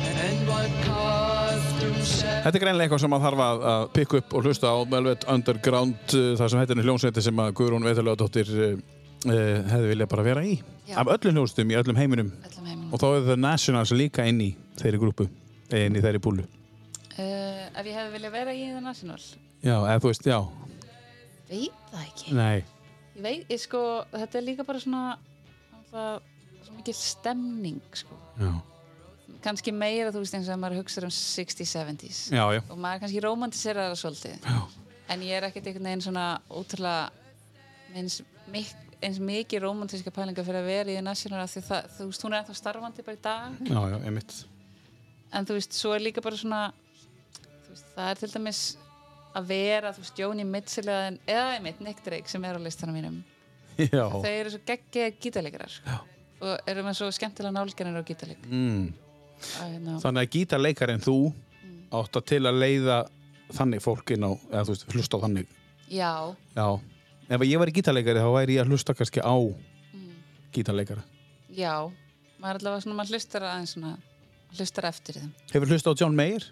já, aðeins, ekki mikið samt Nei. bara þetta svona, Þetta helsta, hann já, er mikil gítarleikari einmitt um, Erik Klafton já, Svona þessir gömlu þekktu já, algjörlega en ekkert eitthvað, þeir náðu þeir, hann náðu mér aldrei eitthvað Nei, alveg sko. nei, nei, þá hann nei, sé alltaf ruggla góður já, einmitt Það. Herri, en þú ætlar allavega að skráði í nám í, í tónlaskólan já, ég ætla að gera það og, og, hérna, og, og þú ætlar að hafa að fara að læra að spila betur og meira á gítar og þá að fara að kenna þér að syngja já, Þannig að þá bætur því við já, hvernig getur þú nýtt þetta allt saman með, þú veist, hvert ætlar að fara? ég veit Þú, það ekki. með, þá, þú, með, þú kannt að syngja, kannt að spila bassa, þú ert sessjónleikari, já, þú kannt að tækna, Já. uh, uh, þú kannt að mastera, þú kannt að framleiða tónlistina, þú ert kannt að Já, kominni bara, þú veist, út í loftið, þú kannt að búa til mögulega kvikmyndatónlist, Eh, það er svona næst það er næst, já. Já, mér langar til að fara út í það. Mér langar til að, að menta mig meira í því. Hvernig gerir maður það? Eða þú veist, hvað þarftu þá til þess að, Masters gráðu. já, Þá myndi ég í rauninu bara fara að læra meira. já, Það er svona eitthvað sem ég er stefna á að gera. En mér langar bara ekki til að drífa mig. Mér langar Nei. að hérna, aðeins að svona slaka á eftir að hafa verið í skólanum í þrjú ár. Mm. já, einmitt, Og, hérna, og bara vinna. Maður læri svo mikið að því vinna. já, Mér finnst gaman að vinna. já, það liggur ekki þá, Nei og hérna það er gaman í, í, í svo núna er ég að kæra þess að Bennett Búolf já, bara skemmtileg síning, skemmtilegt já, fólk mikið gleði, já, maður heyrir það, já, veist Já. og hérna ég bara hef gaman að þessu já, þannig að bara staldra eins við Já. ég er alltaf mikill farfugl, ég er alltaf eitthvað að fara hingað og þangað já, þannig að vera aðeins kjur Já. og bara eitthvað, já. hafa gaman Já, já það bara hljóma mjög vel en ertu svona uh, pælur eitthvað í um, að vera í núinu bara hér og nú þó þess að þetta flakka eitthvað en svona þá Já, er ég að meina bara að læra að vera ég reyni á það staðnum og, Reyna og, það og alveg, vera já. svona e, Eh, núutund pæling eitthvað svona einhverjar jókaæfingar eða einhverjar hugaræfingar Já, ég hugliði og gera jóka á hverjum degi Já, ok, gera það hvernig jókastundaru?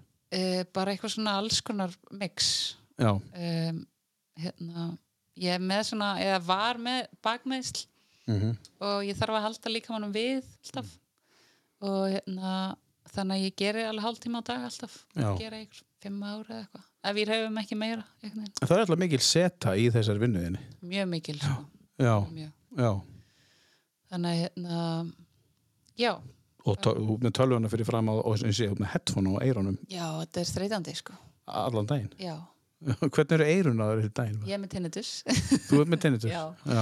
en það er frekar nýtt sko það er búið að vera mikið ála núna Mm. en hérna um, en ég tek alveg pásur og ég tek það af og, og þú veist og svo náttúrulega bara Mhm. mun ég þ- svona, þarf ég að kaupa mig bara hátalara og bara vinna meira þannig sko Mhm. en þetta er svona líka, þetta er svona síðasti spretturinn já, hjá mér núna Já. þá er ég get fara að svona ráða mig meira sjálf bara Já. að ég gera hvað já, en hérna um, já en sko já ég, ég, mér finnst bara þegar maður er að vinna í þessum bransa tónlistabransa, skemmtunabransa þá er bara gott að setja ekki öll ekki neina körfi já, kunna alls konar einmitt. og hérna um, þú þú veist, ég til dæmis sk- já, alls konar sem ég er að gera núna sem að ég veit ekkert hvert leiðir ég til dæmis að vinna með henni önju pródusera hana, þú veist það gæti alveg sprungið út Já, já. svo bara maður veit það ekki Nei, nei. Veist, og Hversu góð er hún? svakalega góð Já, alveg bara, já, rosalega góð já.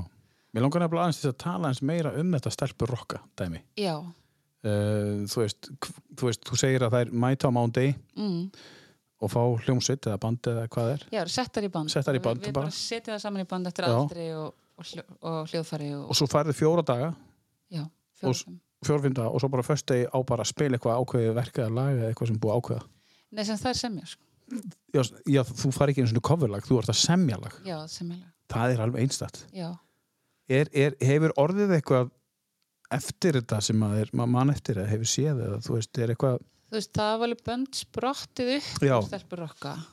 Um, mannstu hvaða bönda eru svo, þó ég sé ekki að setja þið bara svona á það spott hérna sko sko, til dæmis hljómsdinn Spaðabanni kom öll, til, ég var með hjæltbúðir á Seyðisverði, stelpur okka Ísturland. já, En þær voru í bandi, þá fyrir. já, Sko, það var eitthvað band. Já. Hérna, ég vil ekki vera að nefna einhver stelpubönd sem ég, Nei. þú veist, nei, sem ég sko það er hættu held ég en það, er- það, vo- það var eitthvað mann ég man ekki hvort það er unnu músiktilurinnir eða, eða voru já. ofalega já sem, að- sem að byrjaði sem sagt, stopnaði hljómstina sína hjá okkur mm en það hefur verið þú veist alveg rannsakað eitthvað, eða sem sagt, svona, gerðar einhverja kannanir að það er bara fleiri stelpubönd í músiktilurinnum eftir að við byrjuðum já, og fleiri stelpur að fara inn í til dæmis eitthvað svona Mhm. idol og eitthvað þannig og bara að stopna bönd þetta var einhvern veginn bara svona ekki eitthvað að kenna þeim bara svona, svona íta, svona, gefa þeim svona búst í bara þess svona já, bílskúrsbanda stemningu sem Einmitt. að einhvern veginn strákar einhvern veginn fara bara í hans að pæli Já. því já, en kannski stelpur já, eru stelpur kannski aðeins meira aldar upp í að svona, að, passið ykkur aðeins svona, nei, þú, hana, er það ennþá í dag? Ég veit það ekki. Nei.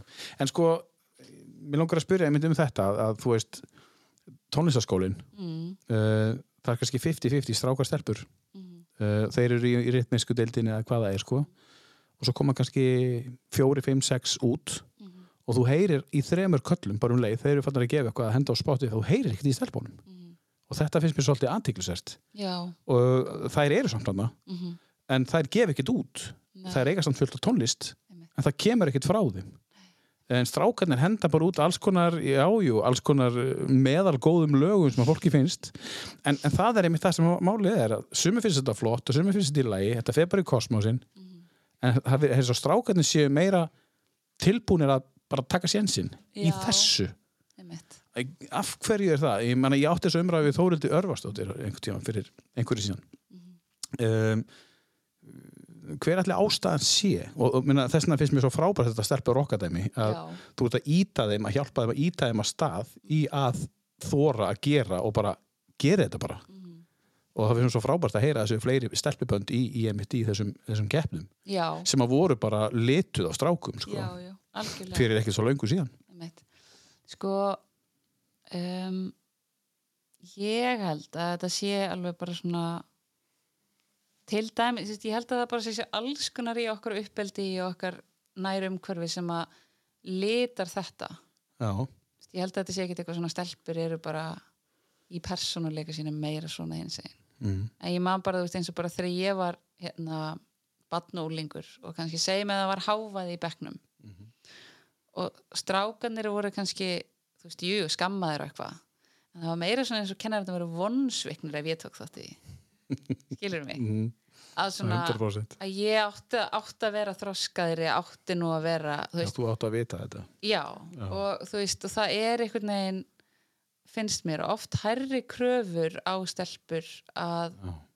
hérna einhvern veginn ég veit það ekki, ég veit ekki hvort það er einhver- endilega að standa sig ég, mér- ekkert endilega þannig, en það er, ei- það er eitthvað í því hvernig komið er öðruvísi fram við okkur eftir kynjum, Það hlýtur hann bara að vera já, sem að gera það að verkum að, þú veist, að maður er aðeins svona passa samari bara maður, ekki, lætur ekki bara allt flakka og svo náttúrulega eru líka bara flest svið bara hvort sem það er skilur eða með tónlist af okkur, bara fólk sem er í svona opinberum vettfangi tónlistarfólk, stjórnmálafólk ég menna þetta er aðalega kallar Mm. fólk sem stýrir stórum fyrirtækjum maður er vanur því að strákar fái meira plás já, Þa- og þeir líka þannig að þeir taka bara það plás skilur já, þeir eru vanir að sjá fólk eins og sig að gera hluti en á meðan við stelpunar erum ekki alveg eins sjáum ekki eins mikið af þessu Þetta- þetta- þannig að við erum að tala um að þetta sé í rauninni bara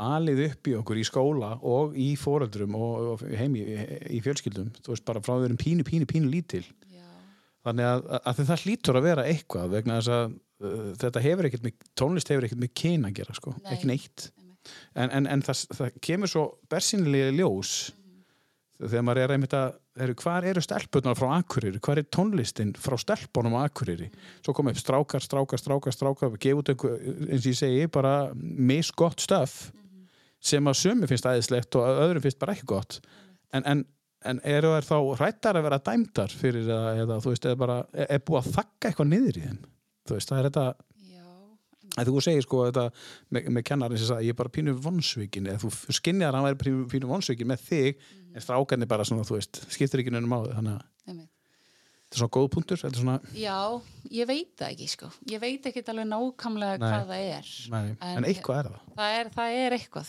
og það Já. er hægt að spekla alveg helling í þessu sko algjörlega Að mér það- Mm. finnst að ég vera umræð um þetta, því að stelpur eiga að gera þetta bara, Mhm. þú veist og ég meina sum að gera það Já, Það er ég meina allir sjáðu bara- bara alla þessar frábæri tónlistamenn sem eru konur, mm. tónlistakonurnar þú veist, sem eru að semja sitt eigi stöf og þú veist, mm. þú veist, þeir eru bara þú veist m- sko, bransin er ekki held í þannig lengur litaður að bara, nei, ertu kona það er bara, það er bara að vera að hlusta, er þetta melodía, er þetta gott lag yeah, let's do it, skilur einmitt. Já, það er ekki kyn lengur eins og var fyrir 30 árum síðan, það er bara kalla rockljónsitt, kvennarjockljónsitt mm, Joan and the Jets var eina sem komst í gegn eða eitthvað svo leiðskilur eða eitthvað Mhm. og svo voru bara kalla hljónstir þetta er búið að vera svo lengi já, ég Mhm. algjörlega. skil ekki, þú veist ég skil þetta ekki sko Nei, veist, ég held að sé ég ég held að sé eh, hérna, náttúrulega alls konar ástæður og líka þú veist, mismunandi eftir því bara hvar maður er ég meina þetta getur verið mjög þú veist, svona oppressíft fyrir konur ennþá víða þú veist, og þú veist, ég er bara mjög lukkulega skilur þú veist, það er ekkert, ekkert þannig þar sem ég er þú Nei. veist. og hérna en þú veist eins og bara þetta að ég sé að keira hljóðuljós og sýningu þú veist mm bara leikonur sem var sagt bara ég, það er bara aldrei kona gert þetta nei, þetta er alveg þú veist. einstakt og, og eins í mann þegar ég var að túra þá var alltaf þú veist svona in-house tekni manneskja Mm-hmm.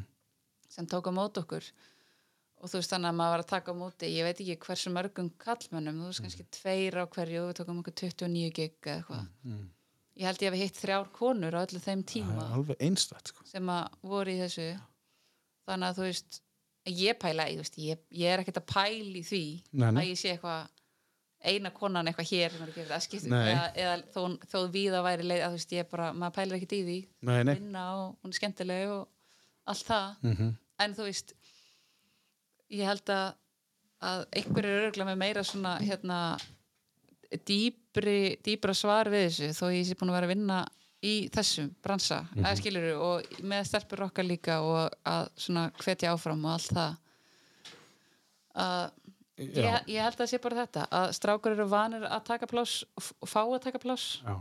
að meðan stelpur er ekkert kvartar til að taka plássið nema með stefnur okkar Já, og, og eitthvað það svoleiðis, finnst já. mér frábært Já. og þú ert vonandi að halda áfram með það Eða, já. Jú, ég, bara, ég gríp í þetta svona Já. Ég er bara komin alltaf komin í til þetta önnur gegn núna er ekki einhver annar sem tekur við þessu eða eitthvað Jú, jú, það er, það er engin þetta þarf að halda áfram enni Jú, jú, þetta er sko það, það, er, það er komið hérna Það er alltaf með sumabúðir á, á hérna, já, það er bara sumrin frábært Mhm. og, og líka með félagsmyndu núna sem er allan ársins ring Þannig að þær eru bara, þær stækka bara að stækka sko. þetta er að skila sig eins og þú segir inn í þessar, inn í þessar eh, keppnir það Já. er bara prósutölu að sé bara fleiri konur og líka bara almennt, held ég, í svona grasrótar já, hérna, músík já. Held ég. Mér finnst að við ættum að hvetja konur núna bara í þessu tilfelli núna, eh, akkurat í þessu samtali hérna núna sérstaklega á Akureyri á landinu sem eru með eitthvað stöf þú veist, sjáðu bara Bríett og Guðrúnu, þú veist, og alltaf GTRN og alltaf það, go for it bara, þú veist, hendu þess út þú veist, bara, þú veist, sjáðu bara hvað gerist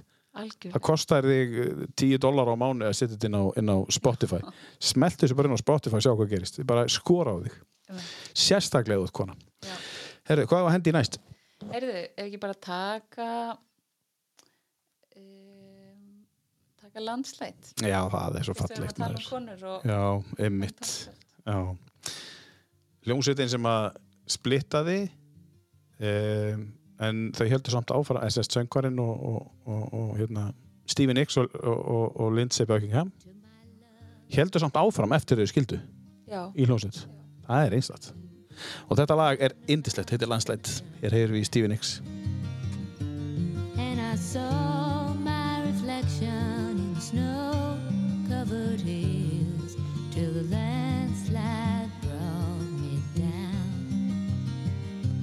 Oh, mirror in the sky, what is love? Can the child within my heart rise above? Can I sail through the changing ocean tides? Can I handle the seasons of my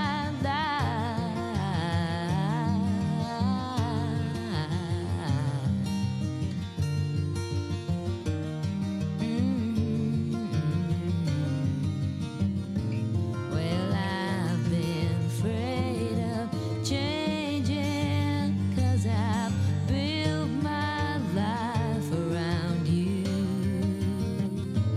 But time makes you bolder, even children get older, and I'm getting older too.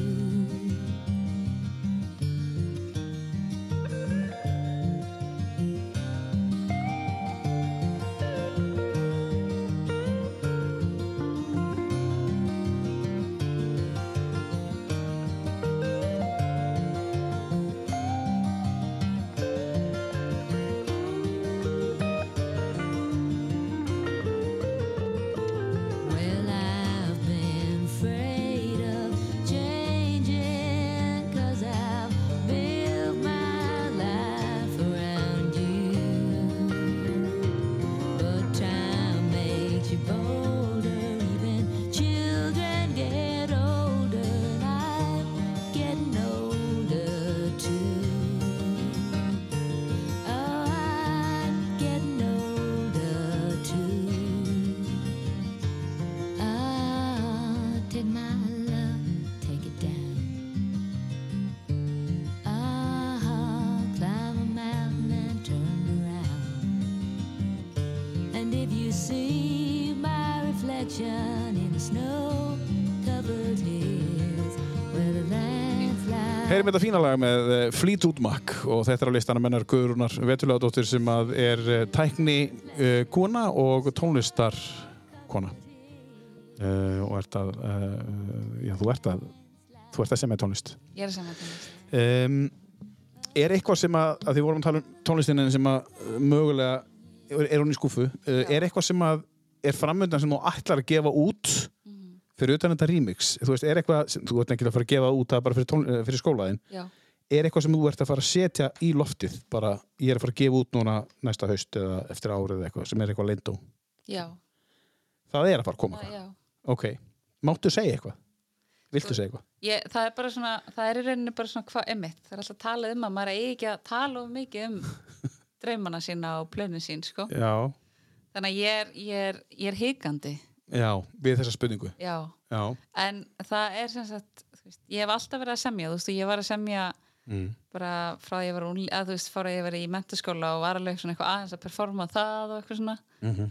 svo svona he, já, bara kemur það í svona ykkurum svona sirpum já, og ég á fullt af einhverjum hugmyndum og eitthvað, þetta er aðalega bara að klára þú veist, ég er Mhm. með, þú veist, eitt sem er bara tilbúið já, ok en, en mér langar að taka það upp aftur með tónlistfólki, ég, ég spila það á allt já, og tók það upp já. og mixaði að mastera Já. það ég varð eiginlega geðvik Já. í ferlinu, eiginlega, smá að því þú ætlar að gera þetta líka ósla hratt já, bara þú veist, þetta var einmitt ég ákvaða hérna, taka mitt eigi staff fyrir í einu verkefni og, hérna, og bara bjóða segðis fyrir og var bara ekki með neitt tónlistafólk ég bara, já, ég spila það bara allt og fekk hérna aðstöðu hjá félagið mínum Jens Einarssoni Mm-hmm. mm. með, með heimastúdíu og bara frábært og hérna um, já, þannig að mér langar að, að gera það aftur og bara fá fólk með mér og taka þetta upp og gera þetta Það er áttu að tala um uh, verk nokkur lög eða eitt lag Já,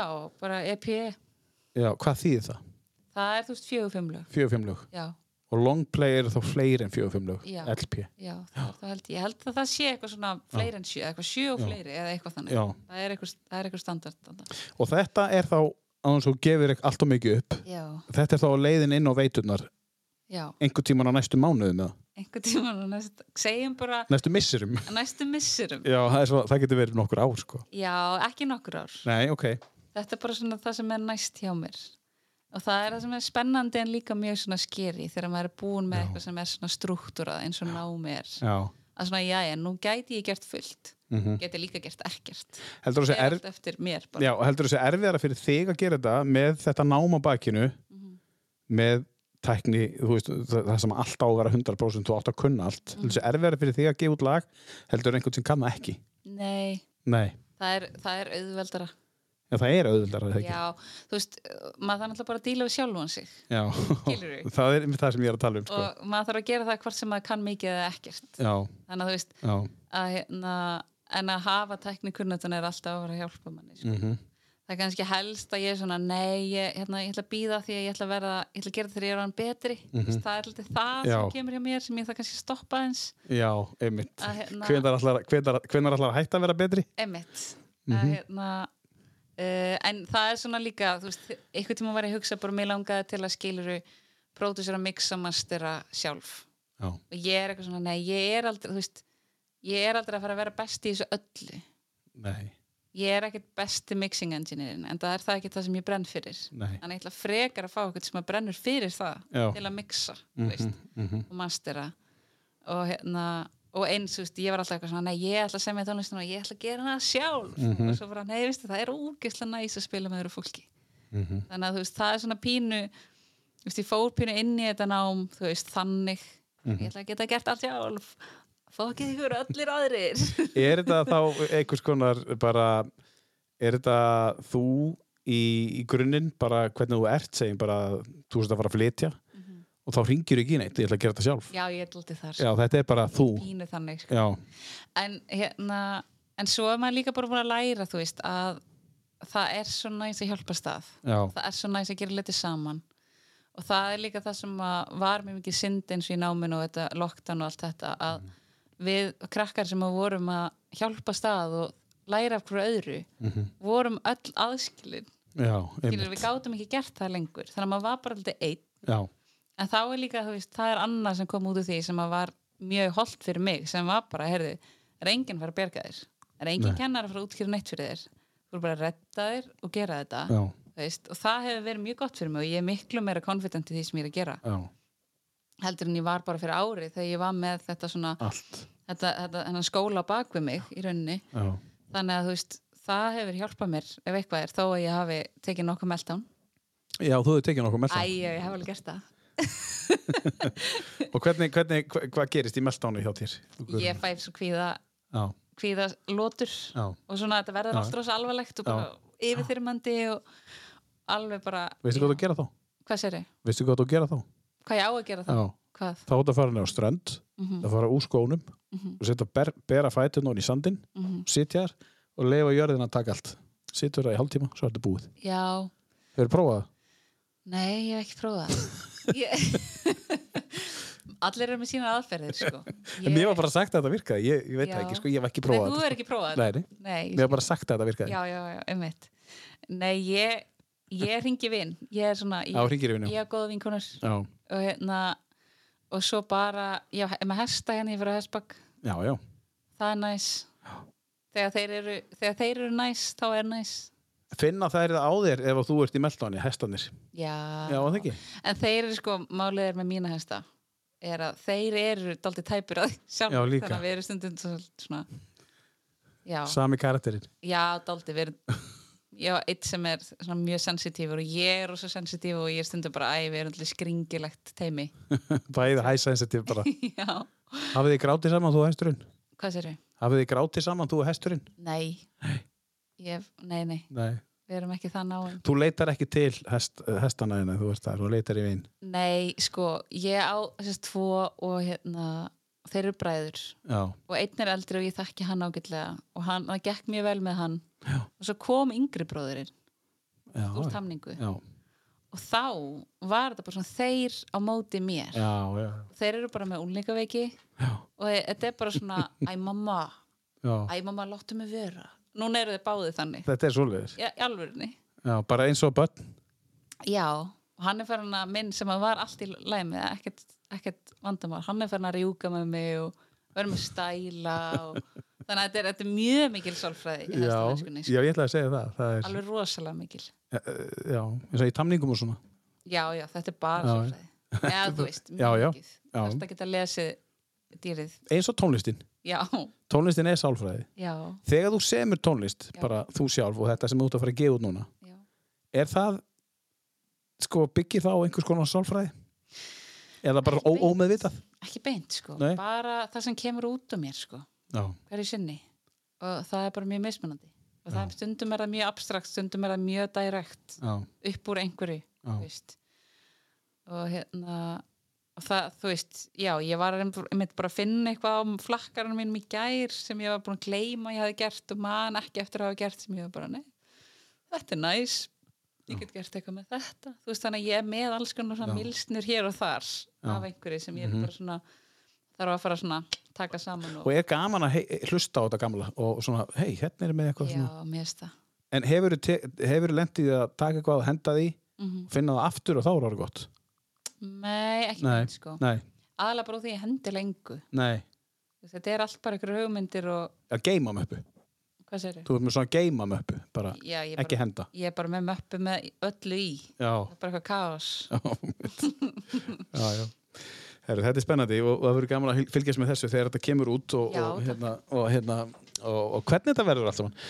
Hendum í lag og Já. hérna, ég ætla eins að fara í svona fjölskyldunum ennast.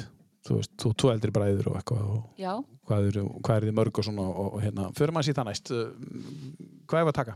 Við vorum í Eh, Landslide með Tökum Flytum Bakk. bara This must be the place, Talking Heads Já, þetta er svolítið öðruvísi Talking Heads lag fannst mér þegar ég heyrði þetta. Ég hef ekki heyrti þetta. Svona disco eitthvað. já, þetta er hvað 1982 eða eitthvað. Já Þegar ég heyrði þetta í morgun, þá var ég svolítið bara býtu, er þetta, þú veist, Donna Summer eða eitthvað, þú veist, já, það er mjög áhugavert ég hef, ald- já, ég hef ekki pælt í því þannig þetta er bara byrjunin, sko ég er bara, að því að Talking Heads er bara eh, maður er alltaf bara búin að heyra þessi þekktustu lögum með þeim, sko. mm. En þú er búin að kynnast þessari hljómsveit svolítið. ég bara, ég fíla bara David Byrne ógislega mikið Já, Mér finnst hann bara ógislega svalur hann er svalur. Já. Hann syngur einmitt með þessari dimmu mm. bresku, er það ekki brettar ögla? já, Já, eða býtu eru þið bandar ekki með? ég man það ekki hana allt í hennu jú, brettar Við, kík, við googlum á meðan Já. og, og komum með svarið hérna eftir þetta hérna. This must be the place með Talking Heads. Ég hef aldrei heyrt þetta áður en eh, hrikalega flott. Speaking in Tongues, þetta er platan.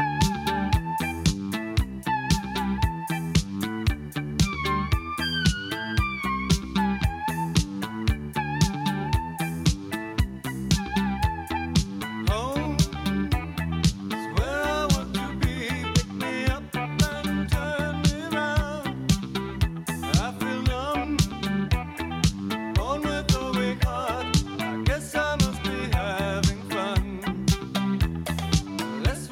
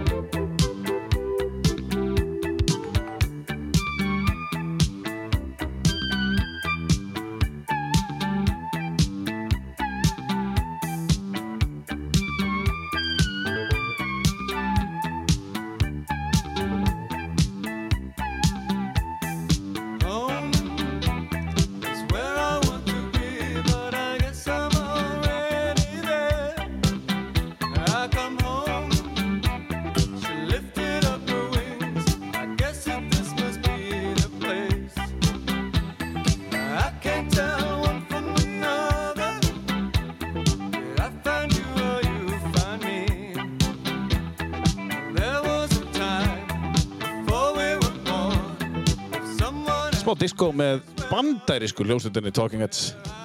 Já, það er bandarískir og, og það er einhver saga á bak við þetta lag. Þú, segð okkur hana, þú, hérna, Uh, sko, þetta lag í rauninni er bara, ég elska textana þessu lagi. Mhm. Mm -hmm. Þetta er David Byrne, ég las aðeins um hana, hérna, hann samt ekki mikið af ástarlögum nei, og hérna, þetta er svona eitt af þeim fáu sem hann samdi þar sem að hann talaði mitt um að hafa fundist hann takast það vel upp að gera það ekki væmið eða asnalegt já, ok. og hérna, ég sammála því að þetta er dóttir um að tilhera Mhm. og einhvern veginn svona home is where I want to be Mhm. og mér finnst það svo fallegt við ástina Mhm.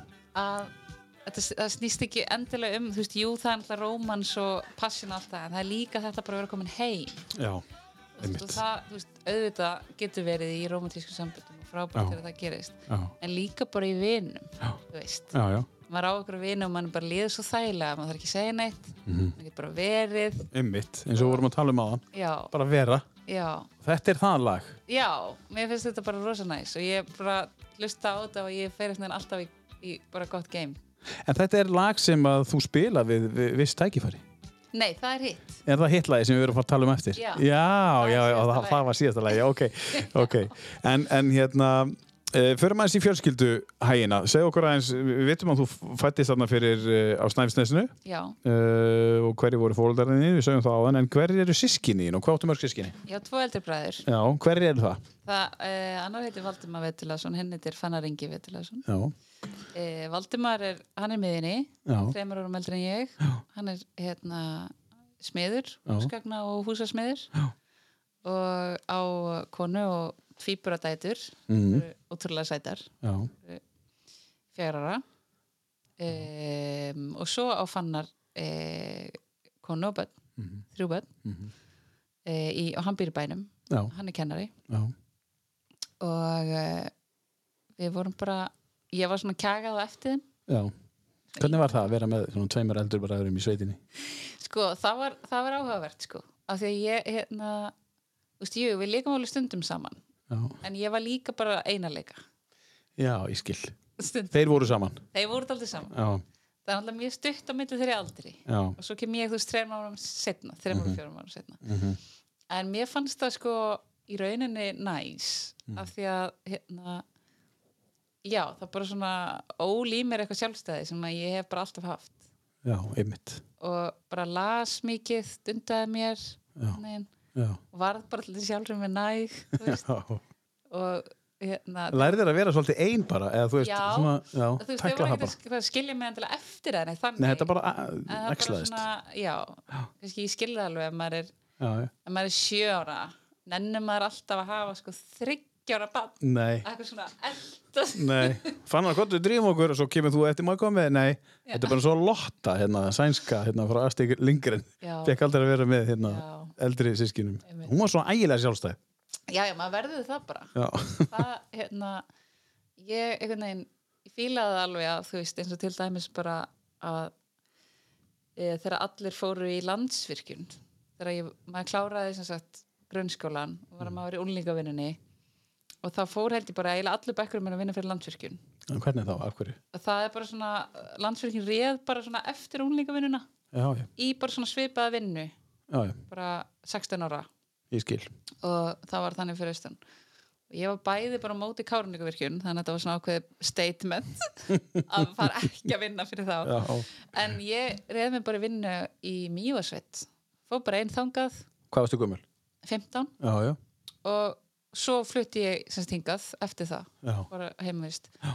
og ég þekkti engan í Emma vissi ekkert að neina Nei. sem voru að fara þannig að þú veist, af því ég var ekkert einn svona solo player, þá tók ég mínar ákvarðinu bara eftir, því- mér dætti ég ekki eftir eitthvað hvert vini mínu voru að fara Nei. eða skilur eitthvað svoleiðis sem eru hjálpað þér að mörguleiti já, mér finnst það geggja sko, fóst ellendis, ekkert vesen og, og, ekkert vesen nei, og þú finnur ekki fyrir því að þú þurfir að vera einhver staðar til þess að því að þú þarf að hafa einhvern með þér Þú bara, nei, ekki neitt sko þannig að þú getur líka dundaðir svolítið einn sjálf með sjálfur þér já, bara gera mjög mikið að því Já.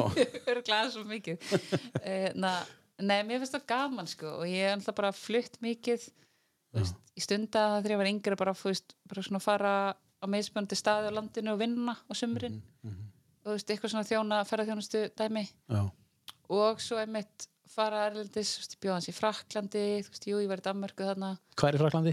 e, bara í miðjunni. Já. Ég var, á, ég var að þjálfa hesta þar. Já, þú ert hesta Já, kona. já, Já. alltaf verið, sko. Og, og hérna, svo til Englands og Írlands og maður lærir svo mikið um sig að setja sig í nýjar aðstæður. Þess að maður getur ekki reykt sig á eitthvað ákveðið. Mhm. En svo verður það líka, ég fann það þegar ég var komin til Írlands og svona, ok, nú er ég búin að gera þetta alltaf mikið, að ég var alltaf svona, svona dreinuð að vera alltaf í nýjum aðstæðum. Mm. Alltaf að finna út hvernig hlutir virka á þessum stað og skilur Mhm. mm Þannig að það var alveg næs að koma heim og vera bara, ég veit hvað fæst í netto. Það er næs. Ég veit hvenar hlutir, lo- eða skilur hvað Já. lokar, hvernig allt virkar, hvenar hleypaðu mig, eða þú veist, hérna, hvað ég get mætt seint í sund Já. og þau hleypa mér samt onni, þú veist, allt þetta Hvort er að henda þér betur það eða, þú veist, þú hitt lítur af að kent þér helling líka. já, Þú algjörlega, veist bara að vera ekki í rútínu og ekki í því. já, eða bara maður svona já, maður, maður skapa sér rútinu inn í nýja Já, inn í nýja, já. það kemur ofta eitthvað skemmtilegt áhugavert inn Já. þú veist, Það lítur af að gefa þér eitthvað. já, algjörlega, bara helling Já, sko, já. helling þú veist, ég til dæmis elska að geta hjólað allt það er Já. eitt sem er mest erfitt í Ísland Já. að geta verið í ykkur evróskur borg og geta hjólað hvert sem er Og tala ekki um akkurir og ætlar að skjóta sem að brekku, sko. Þú ert bara, já, þú ert að vera ramasjólið eða mótorhjólið sem komast þangu uppi til þér. reyndar eru brekkurnar í Brighton eru svona svakalega Nú er það. já, maður kemst bara í rosalegt form Já, maður hefði haldið að væri allt slétt þar bara við ströndina og eitthvað, maður sér eitthvað einhver fyrir. Nefnilega ekki, það er þessi svona ennsku hæðir Já, já. er rosa mikið einhvern veginn En Breitón er falleburg. indisleg, Já. Hún er ekki eins og Dublin, norður Dublin. nei Hún er bara rosa falleg og það er svona einmitt grínast með það að Dub- nei, hérna, Brighton sé aldrei svona er svona, svona sapna öllum svona left wing hippunum saman og svona verið þið bara hér Mm. Já, af því að hún, það er svona þannig stemning Já. og já, bara æðisleg strandborg og rosa skemmtilegt að vera þar En ert þú left-wing hippi? Ertu hippi? nei, Nei. að það blundar eitthvað Já. á manni, Já. en svo bara einhvern veginn ég menn þú sér það ekkert á mér að Nei. skilur Nei, nei. en bara kannski svona í, bara svona reyna að lifa í ykkur flæði ég held Mhm. að það sé kannski það sem að helst eftir en það hlustaði rosa mikið á 60s, 70s Já, þú veist, það var svona mitt tónlistilega uppeldi já. bara sem ég veitti sjálfur mér í Já, rauninni, já. það var það sem ég Já, tókst já. að Já, sem að þú hlustaðar á. já, En þú já. veist að segja að það kemur ekkit, þessi listi kemur í gegnum, þú veist, þetta kemur bara í gegnum sjálfa þig. já, já, Það sem þú finnur sjálf. algjörlega Svolítið magnasamt að hlusta, að þú, þú fæðist 1990 og þú ert að hlusta á 60s. Bara Mhm. Já. 30 ára gamla tónlist, sko. já, Þú ert ekkert í Nirvana eða, eða, eða þú veist, Pearl Nei. Jam eða það sem er að gerast þar. nei, þú veist, ég, það er alveg þú veist, það er, það er alveg korrent þarna líka en svona grunnurinn samt og ég var alveg pælt í þessu mér svona líður eins og, ég ætla ekki að segja að tónlist hafi verið betri Nei. en stemningin er öðruvísi og þú veist, ég f- f- fæ svona þú veist, það, við erum með svo mikinn aðgang á öllu, sem er alltaf indislegt Já, en þetta er, þetta verður líka til mikil sósa já, já. af bara öllu sem er til Mhm. þá held ég líka þess vegna að maður haldi í bara svona það sem er Mhm. eitthvað öryggi í. og mögulega er þessi pínulitli hippi að tala núna einhvern ángi á þér sem er já, kannski þetta einfalda líf eða Já. þú veist þú Og segir ég- hjóla og, já, svo veit maður ekkert hvort það var innfald þú veist það er kannski Nei. hellingur sem eru mikla innfaldri núna en það var já, Sem maður getur einmitt, gert allt á netinu já, Þú veist, áður þetta maður eitthvað að fara í bankan eitthvað svona vesen þannig að maður er kannski að glorifæ eitthvað sem maður veit ekkert um einmitt þú veist, en það er líka bara þetta að manni, þú veist, manni líðist að mér líðist þetta svona daldið svona ég man að þú veist, það var mér svona langu tíma sem ég var ekkert með snjallsíma já, einmitt og ég bara saknaði fólks já, fannst það bara vera á staðinum en líka bara í símanum sínum já. þú veist, og ég var bara, ég, sk- hvar ertu að, þú veist, Mhm. en meina, er það ekki þetta sem við erum að tala um í dag að einfalda líf sitt að leggja síma frá sér, er það ekki basically Jú. það sem við erum að sækjast eftir að vera eins eins og við tölum um að vera á, á staðnum að vera í núinu já fyrst og að, fremst, já, að geta átt þessar umræður mitt við vini sem þú fer kannski með á kaffihúsi og þeir hanga allir í símanum og eru að spjalla við annað fólk já heldur en það sem situr á borðinu og Mhm. ég Þetta er hef einstakt. alveg, ég hef alveg staðið með þessu, sko já, sjálf, þú veist, að ég er ekki hérna eitthvað fyrir ofan það, þú veist, að ég bara man eftir því, ég var seint, sein inn í, þessa, inn í þetta þannig að ég, þú veist, það var alveg tímabil þar sem ég tók eftir þessu sérstaklega og svo fekk ég mér snjálsum og varð bara eins og allir aðra skil En hvað gerir þú þá þegar þú lendir í þessum? Lætur þú þá vita? Bara, herri, leggja nú frá okkur síman. Nei, mér finnst þetta ekki vera það m, ekki Nei. gerast þannig lengur neitt Nei. Þú veist, en ég tók sérstaklega eftir því, þú veist, eins og þegar ég var út í Brighton og þá var þetta bara ekkert þegar Nei. fólk var saman í matabúði það var, það bara var ekkert sí, símanni voru ekkert með Nei, einmitt. og þú veist, og, og svona og það bara held ég eftir mismunandi kreðsum ég bara lendi inn í þannig vinahóp þar Já. að það var ekkert enn öðruvísi stemning Mhm. og hérna, En ungt fólk í dag, þá er ég að meina, já tölvum unga fólki já, tölum okkur tvítut undir, Já. það má nú alveg leggja eins frá sér þessi tæki í smá Já. stund og taka Þetta þátt í er bara- umræðinni. þetta er bara gert svo ávinnabindandi Já, að maður þegar maður er orðin eldri og með þroskaðri heila þá getur maður kannski svona er, ó, þetta er nú, já, ég ætla að setja stoppar á þetta en ef að ég hefði fengið þetta í hendurnar þú veist, 15, ég er bara yngri já, þá bara elst maður upp með þetta í, í hendunum og maður já. þekkir ekkert annað nei, nei. þannig að ég held að það sé líka það sko, að maður er svona, Það er erfiðara fyrir þau að leggja þetta frá sér heldur en okkur, Já, ég eða meina, það þig eru- og mig og, það eru bara sérfræðingar já, úti í löndum sem gera þetta eins áanabindandi og hægt Já, er já. þannig að ég veit ekki af hverju börn ætti að geta staðist þetta. og svo eru komin sérfræðingar sem eru að reyna að losa börn frá þessu líka, Já. hugsaðar þetta, og báðum öndum eru sérfræðingar algjörlega sko. þannig sem eru að reyna að fá fólk til þess að minka þetta, eh, ung fólk til þess að minka það og hjálpa þeim basically að einmitt, af því að, eh, en svo hugsa maður kannski bara, maður hugsa, þetta getur ekki verið framtíðin en við kannski sjáum okkur fyrir okkur eftir- kannski 30 ár, Mm. þá eru bara allir í símanum og það er engin samskipti það er engin podcast þáttur nei, það er bara fólk að tala í síman og, og spjalla og, ég, held að, ég held að það sé það er alltaf eitthvað mótsvar sko. já, eins og bara þetta að þú veist hérna, í músík, þú veist, það var vínill og svo ok, minnaformat sem er heit, CD og svo minnaformat sem er MP3 já, svo er fólk fyrir að kaupa vínill já. Mm. skilur, ég held að þetta fara alltaf í ykkur að ringi og maður, maður, tískan líka já, og maður líka bara þú veist, Já. fer eftir hvað maður kreifar ég elska að hlusta á vínill, já, það er minna kompressað form Já. líka einmitt og hérna mér finnst gaman, mér finnst bara það er ákveðin yðja Já. að hlusta á vínill af því ég þarf að skipta um hlið og þetta Já. vesen. já, að meðan að Spotify geti verið að hlusta á þú veist, m- þú veist hundruðir ára eða skilur við, eitthvað Já. sem ge var gefið út 1990, eitthvað sem er gefið út þú veist, 1920 eða þú veist hvað sem það er hérna, og eitthvað Mhm. það sem er svona gaman að s- sko- s- finna eitthvað þar og síðan kannski að eignast eitthvað og eiga það Já, þú veist. maður þarf eitthvað að finna einhverja þú veist, ég er aldrei búin að missa þetta að hl- hlusta heilar plötur já, og ég sakna þess mjög mikið Já. sko. þannig að hérna, þetta áþreifanlega okkur, halda á einhverju og hlusta Já. á það einmitt, og bara ég held hérna á coverinu þú veist, bara, og þá er síminn ekki með nei, þá ertu bara, þú veist, að þegar síminn er með og þú ert í Spotify, þú ert að hlusta þú ert kannski farin á Facebook með og ert að hlusta eitthvað lag og það heyrir ekki eins, nei, einmitt en svo ertu með vínilinn og það er ekkert, þú veist, þú ert bara með innlegið Mhm.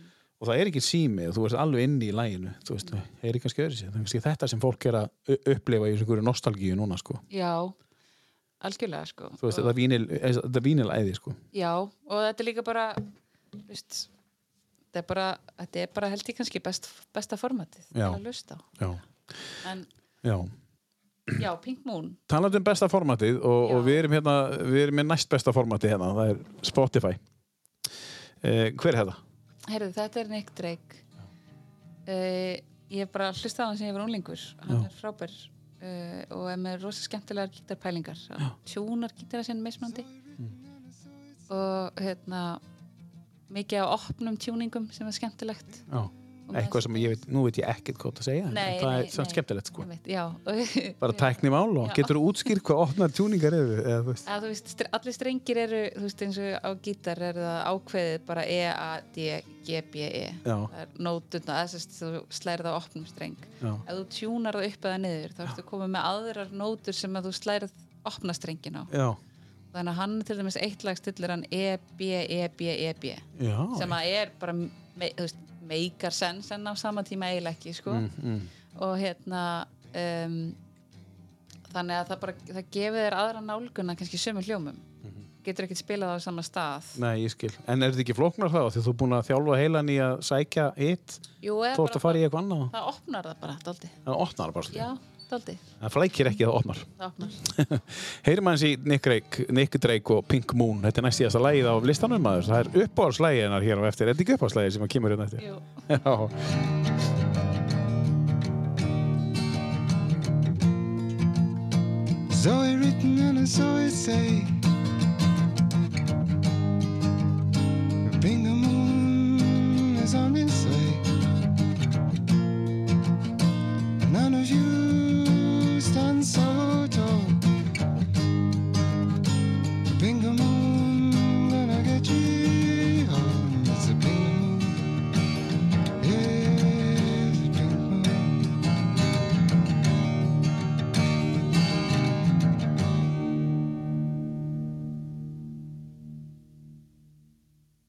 Já, já, það er bara búið lagið. já. Herðu, uh, þetta var Nick, uh, nei, þetta var Nick Drake og Pink Moon. Stutt lag. Það er bara tvær mínútur. Já, við vorum ekki tilbúin. Nei, við vorum ekki tilbúið sko, við vorum bara eitthvað ræða máli hérna á milli. Þá tökum við sko headphone-una á okkur til eins og aðeins að, þú veist, það er, það er svolítið erfitt að vera með headphone svona lengi. Það er erfitt, sko. Já. Tekki eftir því þegar aðrir eru með svona uh, podcast, uh, þá eru þeir, uh, og er ekki með tónlistin á milli, þá eru ekki með headphone og þá eru bara að tala Já, og eru ekki með hennar headphone og eru bara að spjalla saman svona, þú veist, og he- ekki í gegnum headphone. Nú erum við að spjalla saman í gegnum headphone og mic í okkur. Uh, eitt lag eftir. já. Um, þá uh, likum við að spyrja svona uh, ef við förum hans aftur og bak þú komst heim frá Dublin, rekin basically heim í COVID ástandi Já, ef við tökum það aðeins já, og svo hvað er framöndan núna ok. ef við tökum f- fyrst leiðilu umræðina hvernig það var og hvernig það fór með því og... COVID, já, ég, var þetta ekkert málið að hafður fyrir þessu ég var að vinna, í- hérna, ég var búin að vera að vinna bara í nokkra mánuði í þessari tónlistabúð já, þegar að COVID skall á og þá bara, ég var um að hugsa um þetta daginn, þú veist, maður vissi ekki neitt þá.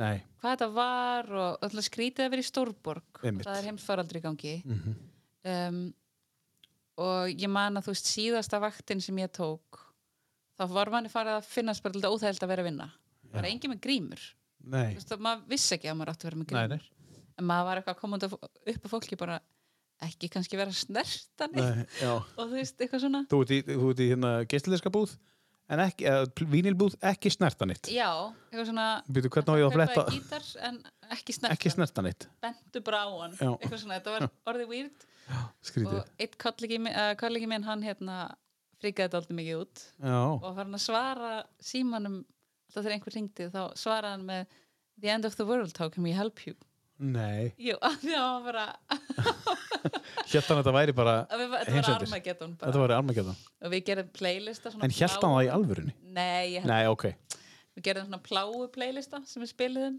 já, í búðinni já um, þannig að hvernig var alveg- sá listi, það var My Corona á honum, náttúrulega efst Já, hver er það það er lag með hérna My Corona hérna. já, mæ, já, já, já, já, já, já. Nei, mæs, sjá, Ma- ma- það heitir ekki mækrón það heitir Bæ Sharona Ég er bara búin að búa það til já, já, Hristum að mér að já, það sé Mæ micro- Sharona, Mæ Corona já, einmitt, uh, með The Nax þetta hérna, Mér fannst þetta sniðugt. Það var ímislegt, bara Já, eitthvað já. lög sem hétu eitthvað svona þú varst svona að halda að þetta heiti Mæ Corona Ég var farin að, ég bara í Ertu búin að heyra svo? Heitir þetta, heitir þetta það Já. En hérna, veirulisti, já, veirulisti Og svo, þú veist, ég var náttúrulega bara heima Þú veist, ég var bara, en ég bjó með fimm öðrum já, Og við vorum, þú var veist, það ekki óþægilegt svona, það var skrítið, sko já, og þetta var náttúrulega fólk sem var alltaf að vinna á daginn, þetta var stórt hús Mhm.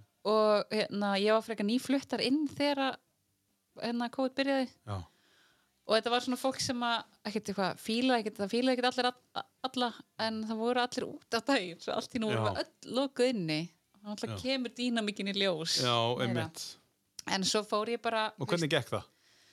veist, ég bara svona sildi svona, það voru einhverju nokkrir árekstrar og Já, já, eitthvað, en ég sildi eðlilega. Mhm. bara framhæði nýja mannskjan inn og var eitthvað mm reyndi bara að pæla ekkert í því, satt bara inn í herbyggi með headphones, Já, svona svo gerir eins Mm. og ég geri og hérna um, já, en þetta varð skrítið sko, og þú veist, herin var komin á, út um götur Já. og að lögga og stoppa og bara hvert þetta fara Já, það er einstætt alveg og hérna, Hvernig er að upplifa það?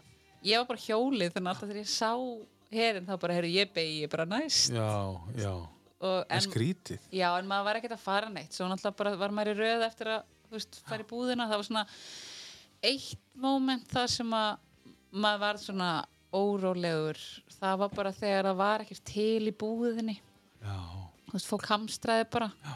og ég fór í búðina það var bara allt tómt Já. og svo bara, þú veist, næsta mánudag var allt orðið venjulegt og það Já. var bara búið að Fylla á. róa, þú veist, Já, já. fólk Já, líka já. en En þetta verður óþæli tilfinning. já, já, þetta Af var, því að það- maður þarf að var borða. skrítið sko. Já. og líka bara að vera í útlöndum Já. á svona Já. þú veist, það, ég fann miklu meira, ég hef alltaf einhvern veginn verið að flakki í útlöndum og fundist það bara gaman Mhm. og hérna, en nú það kom meira svona, mér langar alltaf heim Já. Mig langar bara alltaf að vera heima Og pínur hræðisla líka. já, Það er svona óryggi. já, óryggi bara Já. og hérna uh, og ég kom heim og og þetta var einhvern veginn öðruvísi hér Já. minna í gangi og, og bara mjög snemma ég mitt var búin að fá vinnu á hérna, tjálstæðan á Seyðisveri, bara eitthvað svona random og ég var ennþá úti búin að retta þeirri vinnu og svo ringdi pappi mig og var eitthvað, heyrðu, það var eitthvað að viðtala hérna við Þorvaldbjarna, það veist eitthvað rosa mikið kvikmyndatónlist á Akureyri og þeir að taka upp og eitthvað svona og hann eitthvað svona, hvernig væri eitthvað ef þú færir nú hérna færir nú kannski að vinna í þínu fæi í staðan fyrir að vera ræsti taknir og segðis fyrir því þannig að ég ringdi bara í Þorvaldbjarna Já. og fekk að vera fluga á vegg Já. og hérna í uh, hvað heitir það uh, Hitman's Wife's Bodyguard sem að mm -hmm. Atli Örvars var að gera tónlistina fyrir Mhm. og, og hann er sem er pródusent sem að hérna heitir uh, Steve McLaughlin og er algjört legend og hérna um, hann vantaði aðstóðar Mhm. eða að, þú veist, einhvern til að hérna að þetta var svo risastór sesjón mm Mhm. -hmm. rosalega stór tónlist bæði, þú veist, bara band Mhm. rockband og sinn fljómsveit og hérna og ég bauði mig bara fram Mhm. og var ráðin fyrst af þessum pródusent Já. ekki hofið beint Já. Já. af því að hérna Hvernig kom það, eða þú veist, það var bara þetta, þú veist, ég bara allir sagði eitthvað svona, ég var bara þú veist, það snýst allt um að vera inn í herberginu já, einmitt. sama hvað maður er að gera Já, já. sko. og ég var bara eitthvað að fylgjast með og allir sagði eitthvað, vantar okkur ekki eitthvað svona litla álfa til að, Já, Þú veist, það var ímið svona handavinna sem það þurfti að gera Já. og ég bara sagði, þú veist, ég, bara ég get kannski gert það ég er búin að læra á þetta forrit Pro Tools, já, þannig að hann réð mig, ég vann með honum í tvær vikur já, og hann gaf mér góð meðmæli já, þannig að eftir það var ég ráðin í þú veist, var, var byrjað að bjóða mér að taka þátt í sko, upptökuverkefnunum já, og síðan hef ég bara verið síðan þá Já. fl- ákvaða flytinga og einmitt dætt inn í þetta keira síningarnar já, þannig að maður verður aldrei bara svona að vera duglegur að bara taka alla vinnuna já, sína maður opinni meira já, já, til að algjörlega. komast inn í þetta sko. En svo segir, steinrum, ekki, þú veist, láttu sjá þig, þetta er verðstu bara hana. að vera í, rúm, í herbygginu sko. Ekki vera heima, eh, ég- þetta þetta á við svo um margt. Það er bara, ekki vera heima og býða eftir að eitthvað gerist. Nei, Mm. einmitt, Farð á staðin og verðstu, þar sem, á, þar sem, að, þar sem að viðskiptin eru, verðstu þar. einmitt. Þetta er svona, já, markasetninga 1, 2 og 3, 101. en, en sko, það þarf ofta að minna mann á það.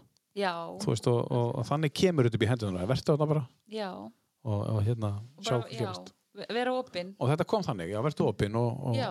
segðu já. Já, og ég meira þess að sko, hann ringdi mig og ég bara, nei, þá var ég komin austur og var bara eitthvað, nei, ég er bara ekkert lengur á Akureyri Nei, bara kom ég með er bara- moppinu í hendunar og... Ég er bara að fara hérna að vinna tjálstaðinu og svo var ég bara, eitthvað, hvað er ég að Já, gera? ég veit. Ringdi hann aftur og var bara, heyrði, ég kem á morgun Já. þannig að það var bara næs já, þú sagði nei fyrst. Eh, Eða Ég, þú ert bara, nei, ég er bara, ég er bara að fara að vinna hérna þessi tjálstaðinu ég er bara búin að lofa mér hér. Ég er bara með derhúfu ég er bara að velja með derhúfu til að vera með í allt sem Heru, það er einstakt. En svona framundan, uh, Guðrún, svona í lokin, hva, hvernig er árið núna? Uh, Næsta ár, Já, þetta ár. þetta ár, býtu hvað mánuður er Það er mæ. Maí. Og svona, þú veist, uh, uh, það- við setjum þetta í mæ 2021. Einmitt. um, COVID, það- bólusetningar rifjum aðeins upp eða úr að hlusta á þetta eftir hálft ár, það, það er verið að sprauta og svoleiðis Já. og það er svona færri smitt Einmitt. Hvað, hérna hvað, hvað, þú veist, það er eitthvað að koma frá þér sem við tölum ekkert meir um, það kemur einhvern tíman Það kemur en hvað er svona framöndan? Mér að þú, ert að- þú ert að stýra Benedikt Búhólfi uh, það heldur áfram, Það heldur áfram. já, mögulega í haust líka Það verður í mig haust. Það er er, búið það ákveða, er búið ákveða. Það ok, verður- Það verður helgar í september og oktober og Frábært. svo líka jafnvel, já, í november. frábært Já. um, jú, bara meiri músík Já, og meiri bara, músík. uh, hérna, þetta er bara alltaf svona, einmitt, þessi bransi og sérstaklega með að maður er að koma sér inn í hann Já, Þess, það er bara að taka verkefni sem bjóðast já, og ég er bara búin að vera svo heppin að ég er að fá fullt af verkefnum já. og hérna um, og bara gera það sem mér finnst gaman mm Mhm. veist, ég er búin að vera alltaf í praktikinni Mhm. mér finnst sjúklega gaman að spila músík og syngja, þannig að ég ætla bara að gera það Mhm. og sérstaklega með að ég get þú veist, lifað af svona frílansverkefnum sem er ekki eitthvað 9 to 5 Mhm. og það er náttúrulega bara ótrúlega forréttindi Mhm. að geta gert það Já. og sérstaklega eins og fyrir mig, þú veist, ég er fjölskyldilaus þannig að ég Þú hefur allan tíma. get gert þetta Já, Þú veist, að meðan ef aðstæðan mína væri eitthvað aðrar Mhm. þá kannski væri ég aðeins meira bundin af einhverjum öðrum skildum já, já. En núna getur þú gert þetta. núna get ég það, þannig að ég ætla bara að njóta þess Já. Þannig að símtalið frá pappa gamla, það skilaði þessu heldur betur. já, algjörlega En, en, en, en, en hérna tjaldvörðurinn, eða yfirmaðurinn á Seyðisvíri, var hann full að því þú þurftir að fara? nei, þetta bara blessaðist allt Það blessaðist svo allt allt að saman, gera sko. Já, það verður enginn full þegar þú ert Nei. elda drauman eina maður. Það er nú bara þannig. Það er lag hérna á listanu sem að er eh, þitt uppáhald. þetta er, þetta er uppáhaldslæði mitt þetta er stemningslæði mitt Já. uh, og það er eiginlega þú veist, við verðum eiginlega að leifa sko, þegar ég er búin að tala, það verður Já. þessi trommubyrjun að fá Já, að já, leifa já, sko. við byrjum bara aftur. ég byrjum bara Já, aftur já, að hérna um, já, þess að talandi um vínil og þetta já, sem sagt bara plötu sem heitir Paul Simons Greatest Hits já. og þetta er líka á hérna Still Crazy eftir All Those Years sem er gengum þetta mhm. og hérna um, já, þetta lag er bara ég spila þessa plötu alltaf þegar ég er komin inn í eitthvað nýtt rými, búin að setja upp plötuspilarna plötuspilarna og hátalarna og ég á kassa sem að er fyrsta húsgagna mamma og pappa Já. gamall trekassi sem ég set alltaf allt í þegar ég er að flytja með staða og set, já, kemur þetta fyrir og þá er þetta lag alltaf fyrsta lagið sem ég spila Magnað. alltaf bara frá því ég man ekki sko, ég, ég man ekki frá því sko, hvenar 2010 eða 11 Já. Líka döblin. sko. já þá reynda var ég ekki með plötspil Nei, en þá tókstu bara á Spotify. já, Og next best thing. já, þannig að hérna Já, og þetta er bara, þú veist, náttúrulega trommubyrjunin er geggjur, Já. þú veist, hún er það og bara lægið sjálf, virkar einhvern veginn en svo er það líka bara sagan hérna, sagan í þessu lagi bara, ég hef ég er alltaf forvitin um þessa píu sem er að segja honum, gefa honum þessi ráð hvað vill hún honum? já, er hún að reyna við hann, er hún bara að vera vinkonans já. það er ekki alveg ljós Það er, það er okkar að meta sem heyrim þetta hérna á eftir. já, Það er skulum bara tjekka sérstaklega á, á, á, á, á textanum þegar við erum hérna í svo kallu átrói í þessum ágæta þætti tíu bestu. Guðrún Veitulagdóttir, það er búið að vera frábært að hafa þig. já, takk hérlega fyrir að fá mig Já, og bara takk að kærlega fyrir að koma og hérna, eh, kæri hlustandi takk fyrir að hlusta og uh, aftur, takk kærlega fyrir að hlu- hlusta þú finnur okkur á Spotify tíu bestu, líka við þáttinn þá getur þú sé hver er að koma hverju sinni og við ætlum að enda þetta hér á þessu frábæra lagi og þessum trommum, tölum ekkert mikið en ég enda takk fyrir að hlusta